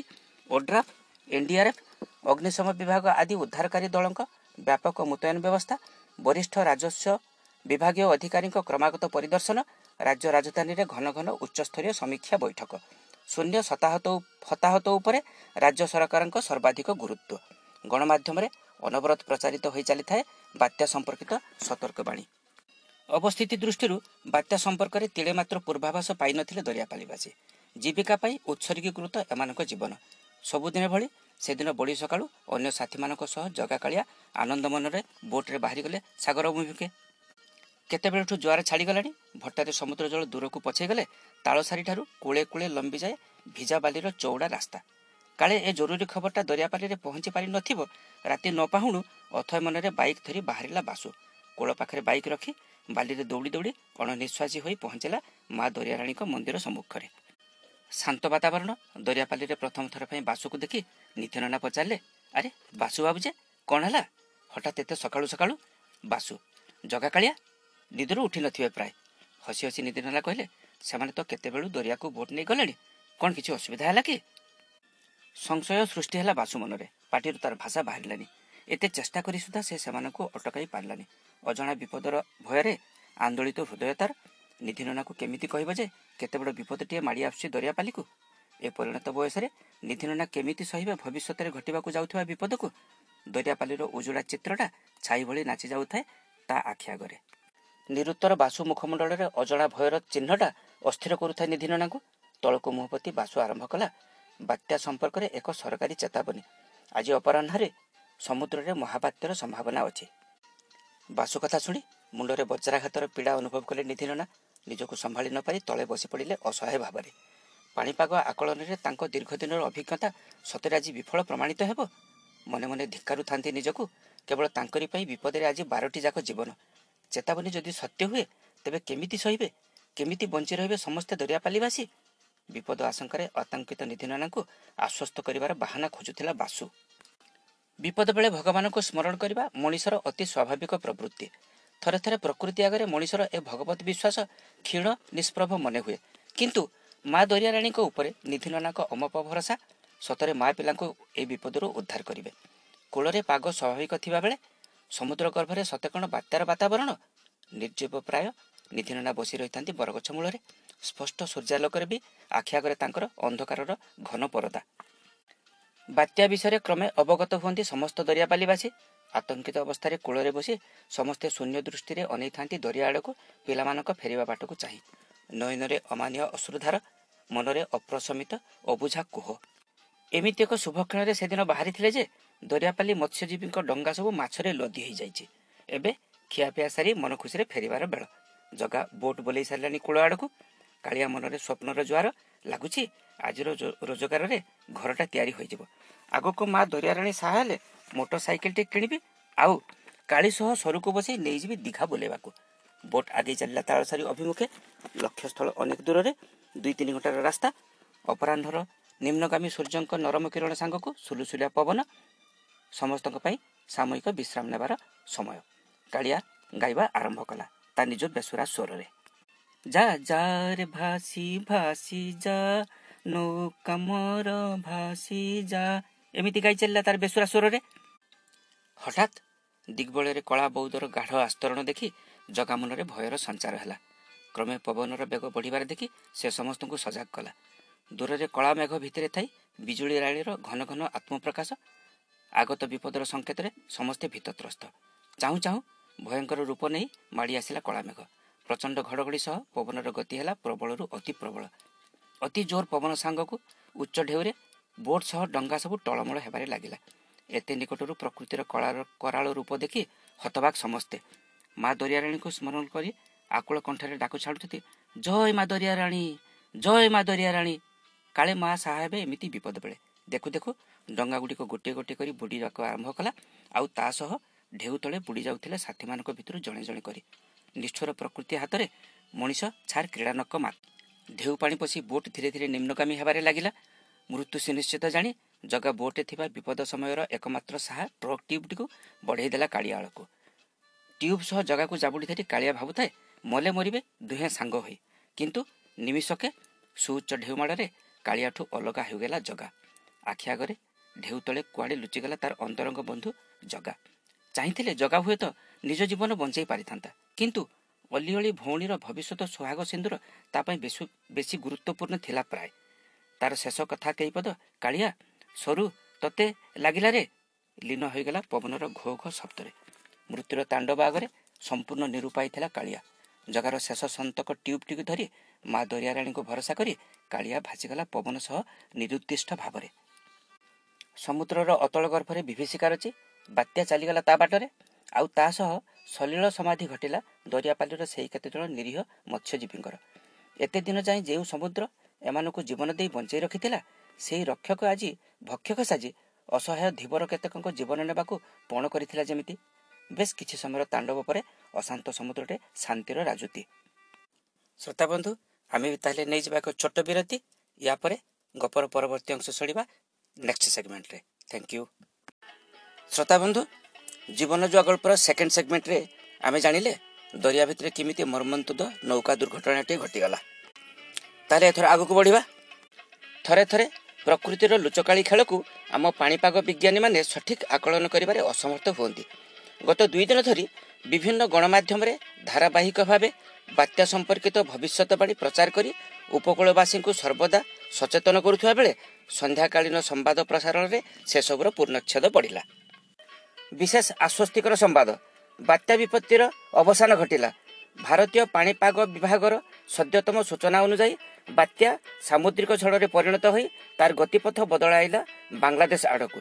ତେଣୁ ଓଡ଼ିଶା ଉପକୂଳବର୍ତ୍ତୀ ଜିଲ୍ଲାଗୁଡ଼ିକ ଉପରେ ବର୍ତ୍ତମାନ ପାଇଁ ଆପାତତଃ କୌଣସି ବିପଦର ଆଶଙ୍କା ନାହିଁ। ବାତ୍ୟାର ଦିଗ ପରିବର୍ତ୍ତନରେ ଅନୁଭୂତ ହେଲା ସମସ୍ତ ସରକାରୀ ତତ୍ପରତାରେ ସମ୍ପୂର୍ଣ୍ଣ ଶିଥିଳତା। ବାତ୍ୟା ନ ହେବା କଥା ଶୁଣି ସମଗ୍ର ଉପକୂଳବାସୀ ଖୁବ୍ ଆଶ୍ୱସ୍ତ ହେଲେ କିନ୍ତୁ କୂଳଠାରୁ ଦୂରରେ ଥିବା ଦରିଆପାଲିରେ ମାଡ଼ି ଆସୁଥିବା ଝଡ଼ ବିଷୟରେ ସମସ୍ତେ ଥିଲେ ଅଜ୍ଞ। ଏପଟେ ବାସୁଠାରୁ ଖବର ପାଇ କାଶୀବାବୁ ବ୍ୟସ୍ତ ବିବ୍ରତ। ସନ୍ଧ୍ୟା ସମୟକୁ ପିଲାମାନଙ୍କର ଫେରି ଆସିବାର ବେଳ ସମୁଦ୍ରରେ ସେତେବେଳକୁ ଜୁଆର ଆସିଯାଇଥିବ ଗୋପୀ ଏବଂ ବାସୁକୁ ନେଇ କାଶୀବାବୁ ଚାଲିଲେ ଦରିଆପାଲି ଅଭିମୁଖେ। କୂଳରେ ଦରିଆପାଲିବାସୀ ଚାତକ ଭଳି ଚାହିଁ ବସିଥାନ୍ତି ପିଲାମାନଙ୍କ ଫେରିବା ବାଟକୁ। ସମସ୍ତଙ୍କ ଆଖିରେ ଲୁହ ନିୟନ୍ତ୍ରିତ ଅବସ୍ଥାରେ ଥାଏ। ହୁଏତ କୂଳ ଲଙ୍ଘିଯିବ ସାମାନ୍ୟ ଆଘାତରେ। ନିର୍ବାକ ନିଶ୍ଚଳ ନିଧିନନା ବସିଥାନ୍ତି ଅଜଣା ଭୟରେ ନିଜ କୃତକର୍ମର କୁପରିଣତି ଅପେକ୍ଷାରେ। ସୁଦୂର ଦିଗ୍ବଳ ଯାଏ ସମୁଦ୍ରଟା ଖାଲି ଖାଲି ପଶ୍ଚିମାକାଶରେ ଅସ୍ତଗାମୀ ସୂର୍ଯ୍ୟକିରଣର ରକ୍ତାଭ ପ୍ରଲେପ କିଛି କ୍ଷଣ ମଧ୍ୟରେ ତିମିରାଚ୍ଛନ୍ନ ହେବ ଧରିତ୍ରୀ ତଥାପି ଆଶାବାଦୀ ଦରିଆପାଲିବାସୀ ନିରାପଦରେ ଫେରିବେ ପିଲାମାନେ। କିନ୍ତୁ ବିଧିର ବିଧାନ ଚିରନ୍ତନ ସତ୍ୟ ମନୁଷ୍ୟ ନିମିତ୍ତ ମାତ୍ର। ଗୋପୀ ଏବଂ ବାସୁକୁ ଘରକୁ ପଠାଇ ଦେଇ କାଶୀବାବୁ ରାତିସାରା ଭୋକ ଉପାସରେ ନିଧିନନାକା ପାଖରେ ବସି ରହିଥିଲେ ସମବେଦନା ଜ୍ଞାପନ କରିବା ଉଦ୍ଦେଶ୍ୟରେ। ସମୁଦ୍ରରେ ଜୁଆରେ ଛାଡ଼ି ଭଟ୍ଟା ହେଲାଣି କାଳରାତି ପାହିଲା। ସକାଳ ସୂର୍ଯ୍ୟଙ୍କ କଅଁଳ କିରଣ ସ୍ପର୍ଶରେ ଧୀରେ ଧୀରେ ମୋଳିବାରେ ଲାଗିଲା ଦରିଆପାଲିବାସୀଙ୍କ ଆଶାର ଆଲୋକ। ଦରିଆପାଲିରୁ ଫେରି କାଶୀବାବୁ ବିଡିଓ ଏବଂ ତହସିଲଦାରଙ୍କୁ ଫୋନ୍ ଯୋଗେ ଜଣାଇଦେଲେ ଏ ମର୍ମନ୍ତୁଦ ଘଟଣାଟି ବିଷୟରେ। କଥା ପହଞ୍ଚିଲା ଜିଲ୍ଲାପାଳଙ୍କ କାର୍ଯ୍ୟାଳୟରେ ଏବଂ ଶେଷରେ ରାଜ୍ୟ ସଚିବାଳୟରେ। ସୂଚନା ମାତ୍ରେ ରାଜଧାନୀରେ ଆରମ୍ଭ ହୋଇଗଲା ବିରୋଧୀଙ୍କ ହଟ୍ଟଗୋଳ। ମୁଖ୍ୟମନ୍ତ୍ରୀଙ୍କ ଅଫିସ ଆଗରେ ଓଡ଼ିଶା ରାଜ୍ୟ ଧୀବର ସଂଘର ଆମରଣ ଅନଶନ ରାଜନୀତିର କପଟ ପଶା ଖେଳରେ ଏବେ ସମସ୍ତେ ସକ୍ରିୟ ଅଜଣା ଅଶୁଣା ଦରିଆପାଲିର ଧୀବରଙ୍କୁ ନ୍ୟାୟ ଦେବା ଉଦ୍ଦେଶ୍ୟରେ। ମୁଖ୍ୟମନ୍ତ୍ରୀ ପରିସ୍ଥିତିକୁ ଶାନ୍ତ କଲେ ତାଙ୍କ ପ୍ରେସ୍ ବାର୍ତ୍ତା ମାଧ୍ୟମରେ। ମୁଖ୍ୟମନ୍ତ୍ରୀ ଶ୍ରୀଯୁକ୍ତ ନବୀନ ପଟ୍ଟନାୟକଙ୍କ ପ୍ରେସ୍ ବାର୍ତ୍ତା। ଦରିଆପାଲିରେ ଘଟିଥିବା ନୌକା ଦୁର୍ଘଟଣାରେ ମୁଁ ଅତ୍ୟନ୍ତ ଦୁଃଖିତ।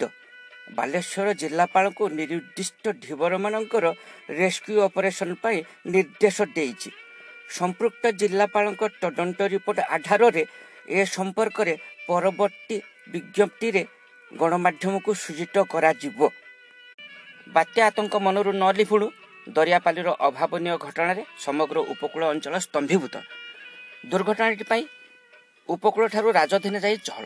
କିନ୍ତୁ ଦରିଆପାଲିରେ ସବୁ କିଛି ଥାଏ ସ୍ତବ୍ଧ। ଖବରଟା ବିଦ୍ୟୁତ୍ ବେଗରେ ପ୍ରଚାରିତ ହୋଇଗଲା ପରେ ଦରିଆପାଲିରେ ଉପକୂଳବାସୀଙ୍କ ପ୍ରବଳ ଭିଡ଼।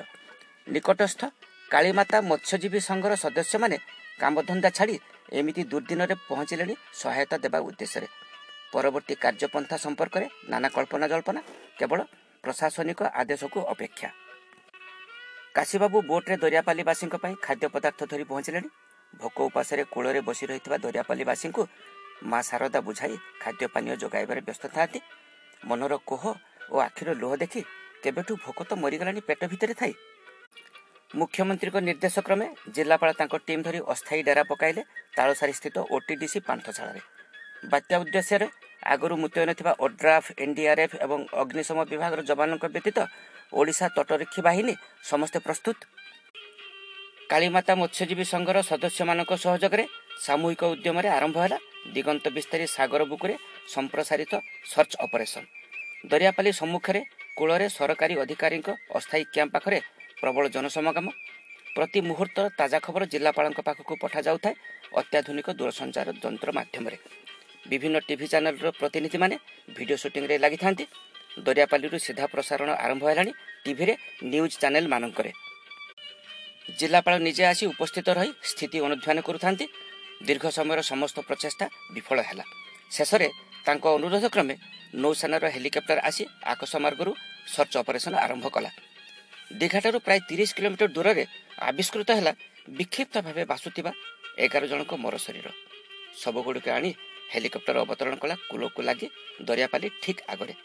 ହେଲିକପ୍ଟରରୁ ବାହାର କରାଗଲା ଗୋଟିଏ ପରେ ଗୋଟିଏ ଏଗାରଟି ମୃତ ଶରୀର। ପରିଶେଷରେ ଦରିଆପାଲିରେ ପ୍ରତୀକ୍ଷାର ପରିସମାପ୍ତି ଘଟିଲା ସାମୁଦ୍ରିକ ଜୀବଙ୍କ ଦ୍ୱାରା ଖଣ୍ଡିଆ ଖାବରା ହୋଇଥିବା ଶବ ଚିହ୍ନଟରେ ଲାଗିଥାନ୍ତି ପରିବାର ଲୋକେ। କାହାର ସ୍ୱାମୀ କାହାର ପୁଅ ତ କାହାର ଭାଇ। କୁଣ୍ଢେଇ ଧରି ସାଇତି ରଖିଥିବା ଶେଷ ଅଶ୍ରୁତକ ଢାଳି ଦେଉଥାନ୍ତି ନିର୍ଜୀବ ଶୀତଳ ଶବ ଉପରେ।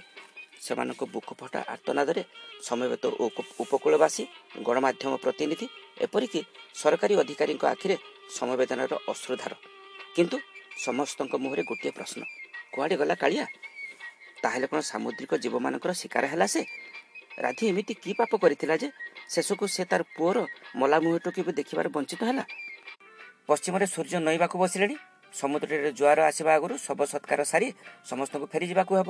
କାଶୀବାବୁଙ୍କ ତତ୍ତ୍ୱାବଧାନରେ ତଥା ଉପକୂଳବାସୀଙ୍କ ସହାୟତାରେ ବିସ୍ତୀର୍ଣ୍ଣ ବାଲୁକା ଶଯ୍ୟାରେ ପାଖକୁ ପାଖ ଲାଗି ସଜା ହେଲା ଏଗାରଟି ଚିତା। ବିଦାୟ ବେଳରେ ଶବଗୁଡ଼ିକୁ ଶେଷଥର ପାଇଁ ଅଶ୍ରୁଳ ନୟନରେ ମନ ଭରି ଦେଖୁଥିଲେ ପ୍ରିୟ ପରିଜନମାନେ। ମୋର ଶରୀର ସବୁଦିନ ପାଇଁ ପଞ୍ଚ ମହାଭୂତରେ ବିଲୀନ ହେବାର ସମୟ ଉପସ୍ଥିତ। ବୋଲ ହରି ହରି ବୋଲ! ସମୂହ ଧ୍ୱନି ସହ ଶବଗୁଡ଼ିକ ନେଇ ରଖାଯାଉଥିଲା ଚିତା ଉପରେ। ଶବ ସତ୍କାର ସମୟର ହୃଦୟ ବିଦାରକ ତଥା ଶୋକାକୁଳ ପରିବେଶରେ ଉପସ୍ଥିତ ସମସ୍ତଙ୍କ ଆଖିରେ ଲୁହର ବନ୍ୟା। କିନ୍ତୁ ଅଦୂରରେ ନିଦିନନା ବସିଥାନ୍ତି ନିର୍ଲିପ୍ତ ନିଶ୍ଚଳ। କାଶୀବାବୁଙ୍କ ହାତ ପାପୁଲି ସ୍ପର୍ଶରେ ସେ ପ୍ରକୃତିସ୍ଥ ହେଲେ। ଏକ ସଙ୍ଗରେ ଏଗାରଟି ଚିତା।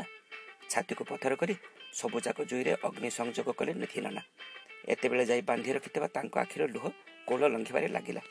ନିଜ ହାତରେ ସଜାଡ଼ିଥିବା ଦରିଆପାଲିକୁ ଶେଷରେ ସେ ଆଜି ନିଜେ ହିଁ ଉଜାଡ଼ି ଦେଲେ। ବିଭିନ୍ନ ନ୍ୟୁଜ୍ ଚ୍ୟାନେଲରେ ଦରିଆପାଲିର ଦୁଃଖଦ ଘଟଣାର ପ୍ରସାରଣ ପରେ ବିଭିନ୍ନ ମହଲରୁ ସମବେଦନାର ସୁଅ ଛୁଟୁଥିଲା ଦରିଆପାଲି ପାଇଁ। ଜିଲ୍ଲାପାଳ ତାଙ୍କ ତଦନ୍ତ ରିପୋର୍ଟରେ ଉଲ୍ଲେଖ କଲେ ଦରିଆପାଲିରେ ବାସ କରୁଥିବା ସମସ୍ତେ ବିସ୍ଥାପିତ ଧୀବର ଏବଂ ଏହା ବାଲେଶ୍ୱର ଜିଲ୍ଲାର ଗ୍ରାମ ସୂଚୀରେ ଅନ୍ତର୍ଭୁକ୍ତ ନୁହେଁ। ଜିଲ୍ଲାପାଳଙ୍କ ରିପୋର୍ଟ ଆଧାରରେ ନିଷ୍ପତ୍ତି ନେବାରେ ସରକାରଙ୍କ ନିଷ୍କ୍ରିୟତା ପାଇଁ ରାଜ୍ୟ ରାଜଧାନୀରେ ପୁଣି ଆରମ୍ଭ ହୋଇଗଲା ବିକ୍ଷୋଭ ପ୍ରଦର୍ଶନ ରାସ୍ତା ବନ୍ଦ ଏବଂ ଚକାଜାମ। ବିରୋଧୀ ଦଳଙ୍କ ଦାବି ଯେହେତୁ ଦରିଆପାଲି ରାଜ୍ୟ ସରକାରଙ୍କ ବନ ବିଭାଗ ଅଧୀନରେ ଅବସ୍ଥିତ ସରକାର ମୃତ ଧୀବର ପରିବାରଙ୍କୁ ଅନୁକମ୍ପା ରାଶି ଦେବାକୁ ବାଧ୍ୟ। ଶେଷରେ ମୁଖ୍ୟମନ୍ତ୍ରୀ ପ୍ରତ୍ୟେକ ପୀଡ଼ିତ ଧୀବର ପରିବାରଙ୍କୁ ଦୁଇ ଲକ୍ଷ ଟଙ୍କା ଲେଖାଏଁ ଅନୁକମ୍ପା ରାଶି ପ୍ରଦାନର ପ୍ରତିଶ୍ରୁତି ଘୋଷଣା କଲେ। ଏବେ ଦରିଆପାଲିରେ ଦିନ ଶେଷ ହେଲା। ନିଧିରଣାଙ୍କ ଛତ୍ର ଛାୟା ତଳେ ନିଜକୁ କେତେ ସୁରକ୍ଷିତ ମଣୁଥିଲେ ଦରିଆପାଲିବାସୀ। ହେଲେ ବିଧିର ଅଦୃଶ୍ୟ ବିଳମ୍ବନା ଜଣେ ଦୁଇ ଜଣ ନୁହେଁ ଏକା ସଙ୍ଗେ ବାରଟି ଯାକ ରୋଜଗାରିଆ ପୁଅ ହରାଇଲା ଦରିଆପାଲି। ଯେଉଁମାନଙ୍କ ଭରସାରେ ତାଙ୍କ ସଂସାର ଚାଲିଥିଲା ସେମାନଙ୍କୁ ତ ନିଷ୍ଠିର ବିଧି ଅକାଳରେ ଛଡ଼େଇ ନେଇଗଲା। ଆଉ କାହା ପାଇଁ ସମସ୍ତେ ପଡ଼ି ରହିଥିବେ ସେ ଅଭିଶପ୍ତ ଜାଗାଟିରେ? ନିଜ କର୍ମକୁ ନିନ୍ଦି ଜଣେ ଜଣେ କରି ଦରିଆପାଲି ଛାଡ଼ି ବାହୁଡ଼ିବା ଆରମ୍ଭ କଲେ। ଜୀବନରେ ପୁଣି ଥରେ ଫେରିବାର ଆଶା ରଖିନଥିବା ସେମାନଙ୍କ ପୁରୁଣା ଜାଗାକୁ। କ୍ରମେ ଦରିଆପାଲି ସଂକୁଚିତ ହେବାରେ ଲାଗିଲା। ଶେଷ ପର୍ଯ୍ୟନ୍ତ କାଳିଆର କିଛି ହେଲେ ପତା ମିଳୁନାହିଁ କାଳି ଯେତେ ବୁଝାଇଲେ ବି ରାଧିଙ୍କ ଗୋଟିଏ ଜିଦ୍ ଦରିଆପାଲିରେ ମଲେ ପଛେ ମରିବେ କିନ୍ତୁ କାଳିଆକୁ ନ ଦେଖିବା ଯାଏ ସେ ପଡ଼ି ରହିଥିବେ ମା ଦରିଆରାଣୀକୁ ଭରସା କରି।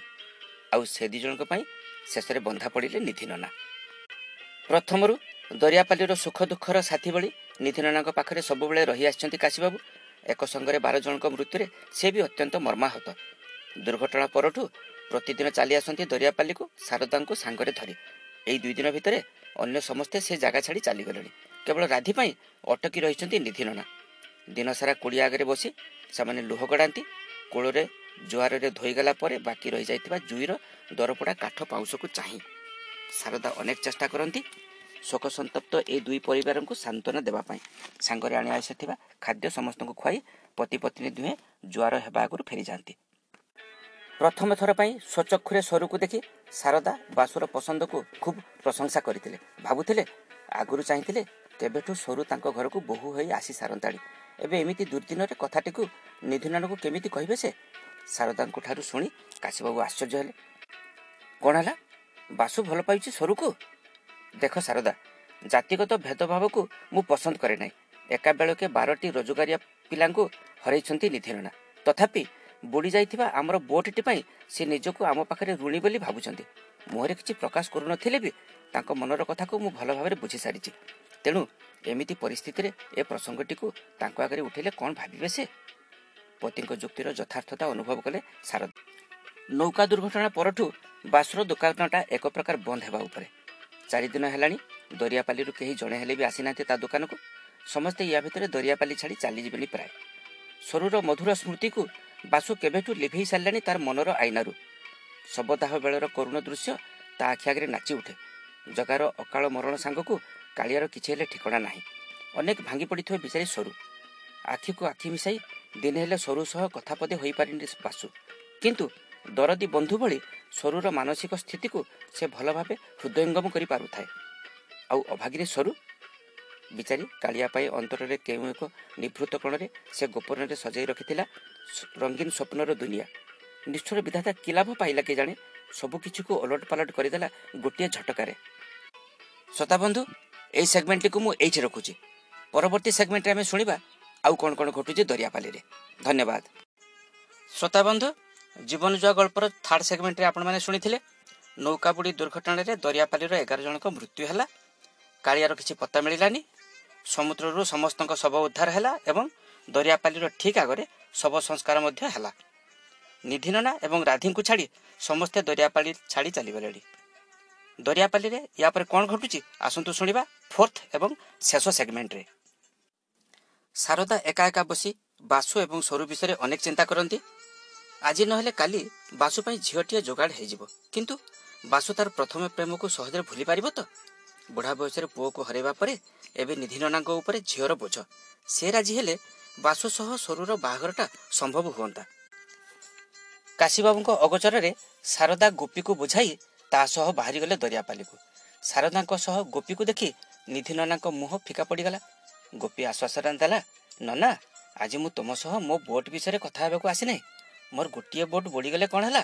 ଆହୁରି ତିନିଟା ବୋଟ୍ ଚାଲିଛି। ଦରିଆପାଲିର ବାର ଜଣଙ୍କ ଜୀବନ ଆଗରେ ମୋର କ୍ଷତିଟା ତ ଅତି ନଗଣ୍ୟ। ଗୋପୀ କଥା ଶୁଣି ନିଧିନନା ଭାବୁଥିଲେ ଜଗା ଗଲା ପରେ ସେ ତ ପୁରା ସମ୍ବଳହୀନ। ଗୋପୀର ଏ ଋଣର ବୋଝ ସେ ବଞ୍ଚିଥିବା ଯାଏ କେବେ ବି ଶୁଝି ପାରିବେନି। ଶାରଦାଙ୍କ ମନର ଅସ୍ଥିରତା କ୍ରମେ ବଢ଼ିବାରେ ଲାଗେ। ନିକଟ ଭବିଷ୍ୟତରେ ଦିନେ ନା ଦିନେ ନିଧିନନାଙ୍କୁ ଦରିଆପାଲି ଛାଡ଼ିବାକୁ ପଡ଼ିବ। ତା ଆଗରୁ ସରୁ ବିଷୟରେ ତାଙ୍କର ମତାମତ ଜାଣିବାକୁ ହେବ। ନିଧିନନାଙ୍କୁ ପଚାରିଲେ ନନା ଦରିଆପାଲି ଛାଡ଼ିବା ପରେ କୁଆଡ଼େ ଯିବାକୁ ସ୍ଥିର କଲ? ନିଧିନନାଙ୍କ ସଂକ୍ଷିପ୍ତ ଉତ୍ତର ଜନ୍ମ ମାଟିକୁ। ଉଦ୍ବିଗ୍ନ ହୋଇ ଶାରଦା ପଚାରିଲେ ଆଉ ସରୁ? ଦୀର୍ଘ ନିଶ୍ୱାସଟିଏ ଛାଡ଼ିଲେ ନିଧିନନା। ହତଭାଗିନୀର ଭାଗ୍ୟରେ ଯାହା ଥିବ ମା ଦରିଆରାଣୀ ହିଁ ତାର ଏକମାତ୍ର ଭରସା। ଶାରଦା ବୁଝିପାରିଲେ ଏବେ ସୁଦ୍ଧା ମା ଦରିଆରାଣୀଙ୍କ ପ୍ରତି ନିଧିନନାଙ୍କ ପ୍ରଗାଢ଼ ବିଶ୍ୱାସରେ ଭଟ୍ଟା ପଡ଼ିନାହିଁ। କାଳ ବିଳମ୍ବ ନ କରି କହି ଚାଲିଲେ ଶାରଦା ନନା ଅନେକ ଦିନରୁ ଆମ ବାସୁ ସରୁକୁ ଭଲ ପାଇ ଆସୁଛି। କିନ୍ତୁ କାହା ଆଗରେ ପ୍ରକାଶ କରିବାର ସାହସ ନଥିଲା ତାର ଏମିତିକି ସରୁକୁ ବି ତାର ମନ କଥା ଖୋଲି କହିବାର ସୁଯୋଗ ପାଇନି ସେ ଏଥିରେ ସରୁ ରାଜି କି ନା ତାହା ମୁଁ ଜାଣେନା ସମସ୍ତଙ୍କ ମଙ୍ଗଳ ଦୃଷ୍ଟିରୁ ମୁଁ ଆଜି ସରୁକୁ ମାଗିବାକୁ ଆସିଛି ଏହି ପ୍ରତିଶ୍ରୁତି ଦେଉଛି ତାକୁ ମୁଁ ମୋ ଝିଅ ଭଳି ସୁଖରେ ରଖିବି ମୁଁ ପୁଣି କାଲି ଆସିବି ଆଶା କରେ ତୁମେ ମୋତେ ନିରାଶ କରିବନି ଏତିକି କହି ଗୋପୀ ସହ ଫେରିଗଲେ ଶାରଦା ଶାରଦାଙ୍କ ଯିବା ବାଟକୁ ଚାହିଁ ନିଧି ନନା ଭାବୁଥିଲେ କେତେ ମହାନ ବ୍ୟକ୍ତିତ୍ୱର ଅଧିକାରୀ କାଶୀବାବୁଙ୍କ ପରିବାରର ସମସ୍ତ ସଦସ୍ୟ ସତରେ ସାକ୍ଷାତ ଦେବତାଙ୍କ ଅବତାର ଏମାନେ। ନିଜ ଜାତିର ଧୀବର ଝିଅଟିକୁ ବୋହୁ କରି ନେବାକୁ କୁଣ୍ଠାବୋଧ କରୁନାହାନ୍ତି ଏମାନେ। ପରିସ୍ଥିତିର କଷାଘାତରେ ଜର୍ଜରିତ ନିଧିନନା ସମ୍ପୂର୍ଣ୍ଣ ନିରୁପାଇ ଥିଲେ ଆଗରୁ କେତେ ଆଶା ରଖିଥିଲେ? କାଳିଆ ସହ ସରୁର ବାହାଘର ହେବ ଝିଅ ତାଙ୍କ ପାଖରେ ରହିବ। ଏବେ କାଳିଆର ଫେରିବାଟା ଅନିଶ୍ଚିତ। ନିଜ ବୋଝ ବୋହିବାରେ ଅସମର୍ଥ ସେ ତା ଉପରେ ସରୁର ଦାୟିତ୍ୱ। ତେଣୁ ଶାରଦାଙ୍କ ପ୍ରସ୍ତାବରେ ପତି ପତ୍ନୀ ଦୁହେଁ ରାଜି ହୋଇଗଲେ। ଭାବୁଥିଲେ ଆଉ କିଛି ନହେଲେ ବି କାଶୀବାବୁଙ୍କ ପାଖରେ ନିଜର ଋଣ ଭାରଟା ତ ଅଳ୍ପ ମାତ୍ରାରେ କମିଯିବ କିନ୍ତୁ ସରୁ? ସୁଅ ମୁହଁରେ ପତର ଭଳି ସରୁ ଜୀବନରେ ପରିସ୍ଥିତିର ପଟ୍ଟ ପରିବର୍ତ୍ତନ। ପ୍ରଥମେ କାଳିଆକୁ ପତି ରୂପରେ ଗ୍ରହଣ କରିଥିଲା ଅତି ସ୍ୱାଭାବିକ ଭାବରେ। ପୁଣି ଏବେ କାଳିଆର ଅବର୍ତ୍ତମାନରେ ତା ଜୀବନର ସ୍ରୋତ ବହିବାକୁ ଲାଗିଲାଣି ବାସୁ ଘର ଆଡ଼େ ନିଜ ଇଚ୍ଛାର ପ୍ରତିକୂଳରେ। ପୁତ୍ର ଶୋକରୁ ମୁକୁଳି ନଥିବା ବାପା ଝିଅକୁ ଟେକି ଦେବାକୁ ଯାଉଛନ୍ତି କାଶୀବାବୁଙ୍କ ଋଣ ପରିଶୋଧ କରିବା ବାହାନାରେ। ବାପାଙ୍କର ବୃଦ୍ଧାବସ୍ଥା ସାଙ୍ଗକୁ ଅର୍ଥାଭାବ ତେଣୁ ସେ ପରିସ୍ଥିତିରେ ସରୁର ପସନ୍ଦ ନାପସନ୍ଦର ପ୍ରଶ୍ନ ନଥିଲା। ପରିସ୍ଥିତିକୁ ହୃଦୟଙ୍ଗମ କରି ସେଦିନ କାଳି ସରୁ ଆଖିରୁ ଲୁହ ପୋଛି ଦେଇ ବୁଝାଉଥିଲା ସରୁ ମୁଁ ଜାଣୁଛି ତୋ ମନର କୁହକୁ। କାଳିଆ ଭାଇ ତ ଗଲା ତା ପାଇଁ ଆଉ ଅପେକ୍ଷା କରି ଲାଭ ନାହିଁ। ତୁ ହୁଏତ ଜାଣିନାହୁଁ ବାସୁ ତତେ ମନ ପ୍ରାଣ ଦେଇ ଭଲ ପାଏ। ତତେ ସେ ରାଣୀ କରି ରଖିବରେ ତୋ ଭାଗ୍ୟକୁ ଆଦରି ବାସୁକୁ ଆପଣାଇ ନେବାକୁ ଚେଷ୍ଟା କର। ନିଜର ନହେଲୁ ନାହିଁ। ତୁ ଯେଉଁଠି ଥିଲେ ବି ମୋର ସରୁ ଭାଉଜ ହୋଇ ରହିଥିବୁ। ତା ପରଦିନ ଶାରଦାଙ୍କ ସହ କାଶୀବାବୁ ଆସି ବସି ପଡ଼ିଲେ ମା ଦରିଆରାଣୀଙ୍କ ମନ୍ଦିର ଆଗରେ। ନିଧି ନନାଙ୍କ ମୁହଁରୁ ହଁ ପଦଟିଏ ଶୁଣିବା ପାଇଁ ଦୁହେଁ ଅପେକ୍ଷାରତ। ନିରବତା ଭଙ୍ଗ କଲେ ନିଧି ନନା ଆପଣମାନଙ୍କ ଋଣ ଶୁଝିବା ମୋ ପକ୍ଷେ ଅସମ୍ଭବ। ଜଗା ଗଲା ପରେ ଏଠି ଆଉ ବେଶୀ ଦିନ ରହିବା ଆମ ପକ୍ଷରେ ସମ୍ଭବ ନୁହେଁ। ଭାବୁଛି ଝିଅଟା ଯଦି ସୁଖରେ ରୁହେ ଆମ ଜୀବନଟା ଶାନ୍ତିରେ କଟିଯିବ। ତେଣୁ ଆପଣମାନେ ଯେବେ ଚାହିଁବେ ଆସି ସ୍ୱରକୁ ବୋହୁ କରି ନେଇଯାଆନ୍ତୁ। କାଶୀବାବୁଙ୍କୁ କଥାଟା ଅଡ଼ୁଆ ଲାଗୁଥିଲେ ଶାରଦାଙ୍କ ଖୁସି କହିଲେ ନ ସରେ। ଆସିବା ଆଗରୁ ତ ସେ ଭାବିଥିଲେ ନିଧି ନନା ରାଜି ହେଲେ କାଲି ହିଁ ଶୁଭ କାମଟା ସାରିଦେବେ। ତେଣୁ ଖୁସି ହେଇ ଶାରଦା କହିଲେ ନନା ତାହେଲେ କାଲି ଆମେ ବାସୁକୁ ନେଇ ଆସୁଛୁ।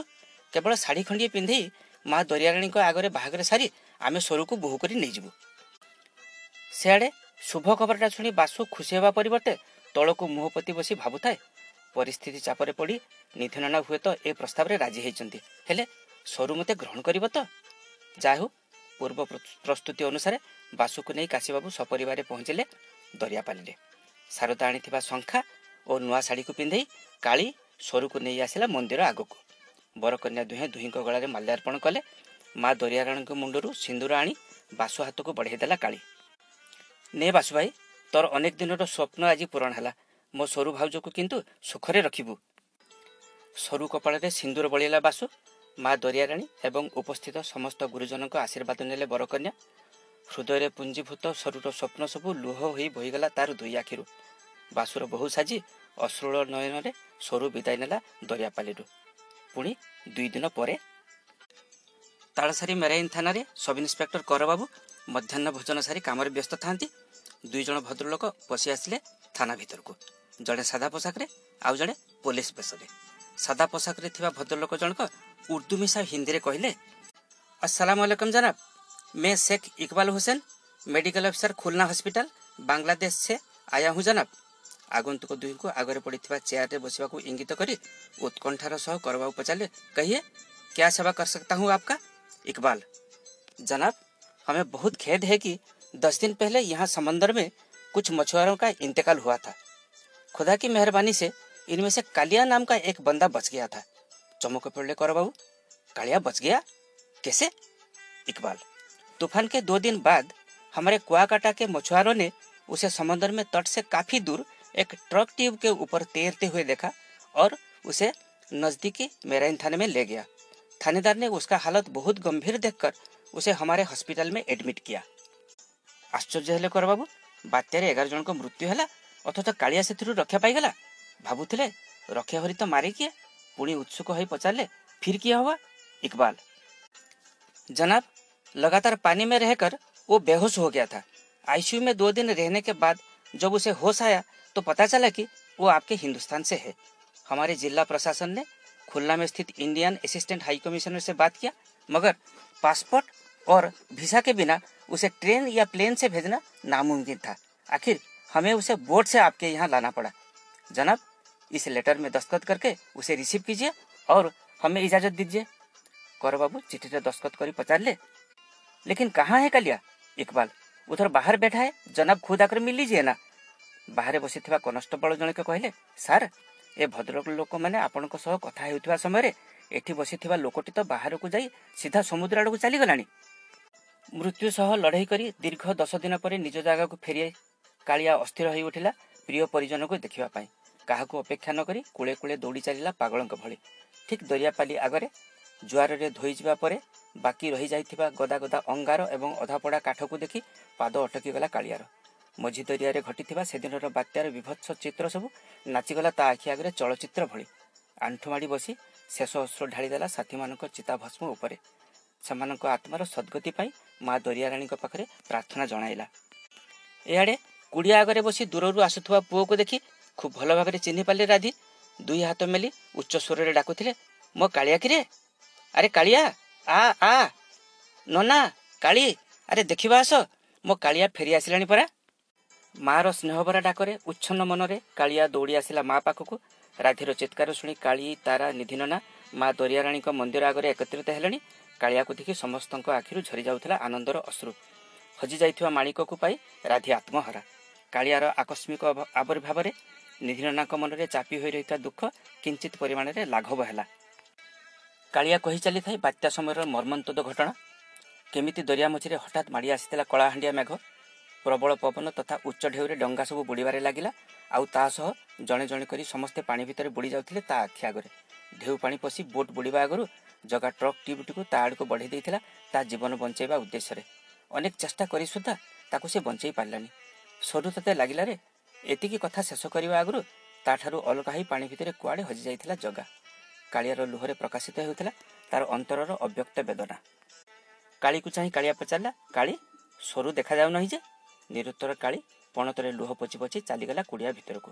ନୈରାଶ୍ୟଭରା କଣ୍ଠରେ ରାଧି କହିଲେ ତୋର ତ କିଛି ପତା ନଥିଲା। କ'ଣ ଆଉ କରିଥାନ୍ତେ ନିଧିନ ନା? ଶେଷରେ ବାଧ୍ୟ ହୋଇ ବାସୁ ହାତରେ ଟେକିଦେଲେ ସରୁକୁ। ହୃଦୟରେ ସାଇତି ରଖିଥିବା ସ୍ୱପ୍ନ ସବୁ ହଠାତ୍ ଯେ ଏମିତି ଚୂର୍ଣ୍ଣୀଭୂତ ହୋଇଯିବ ଆଶା କରିନଥିଲା କାଳିଆ। ଭାବୁଥିଲା ମରଣ ମୁହଁରୁ ଫେରି ପାଇଥିବା ତାର ମୂଲ୍ୟହୀନ ଜୀବନଟା ଜଗା ସହ ଚାଲି ଯାଇଥିଲେ ବହୁତ ଭଲ ହୋଇଥାନ୍ତା। ତିନି ଚାରି ଦିନ ପରେ ହିତାଧିକାରୀଙ୍କ ଉଦ୍ଦେଶ୍ୟରେ ଅନୁକମ୍ପା ରାଶିର ଚେକ୍ ଧରି ସରକାରୀ ଅଧିକାରୀ ପହଞ୍ଚିଲା ବେଳକୁ ଦରିଆପାଲି ଜନଶୂନ୍ୟ। ଯାହା ଭିତରେ ପରିତ୍ୟକ୍ତ କୁଡ଼ିଆ ସବୁ ଅରଣା ମଇଁଷିମାନଙ୍କର ଆଶ୍ରୟସ୍ଥଳ ପାଲଟି ସାରିଲାଣି। ଗତ ପାଞ୍ଚ ବର୍ଷ ଧରି ଜୀବନ ସଂଗ୍ରାମରେ ଅବିଶ୍ରାନ୍ତ ବ୍ୟସ୍ତ ଥିବା ଦରିଆପାଲି ଏବେ ସତ୍ତାହୀନ।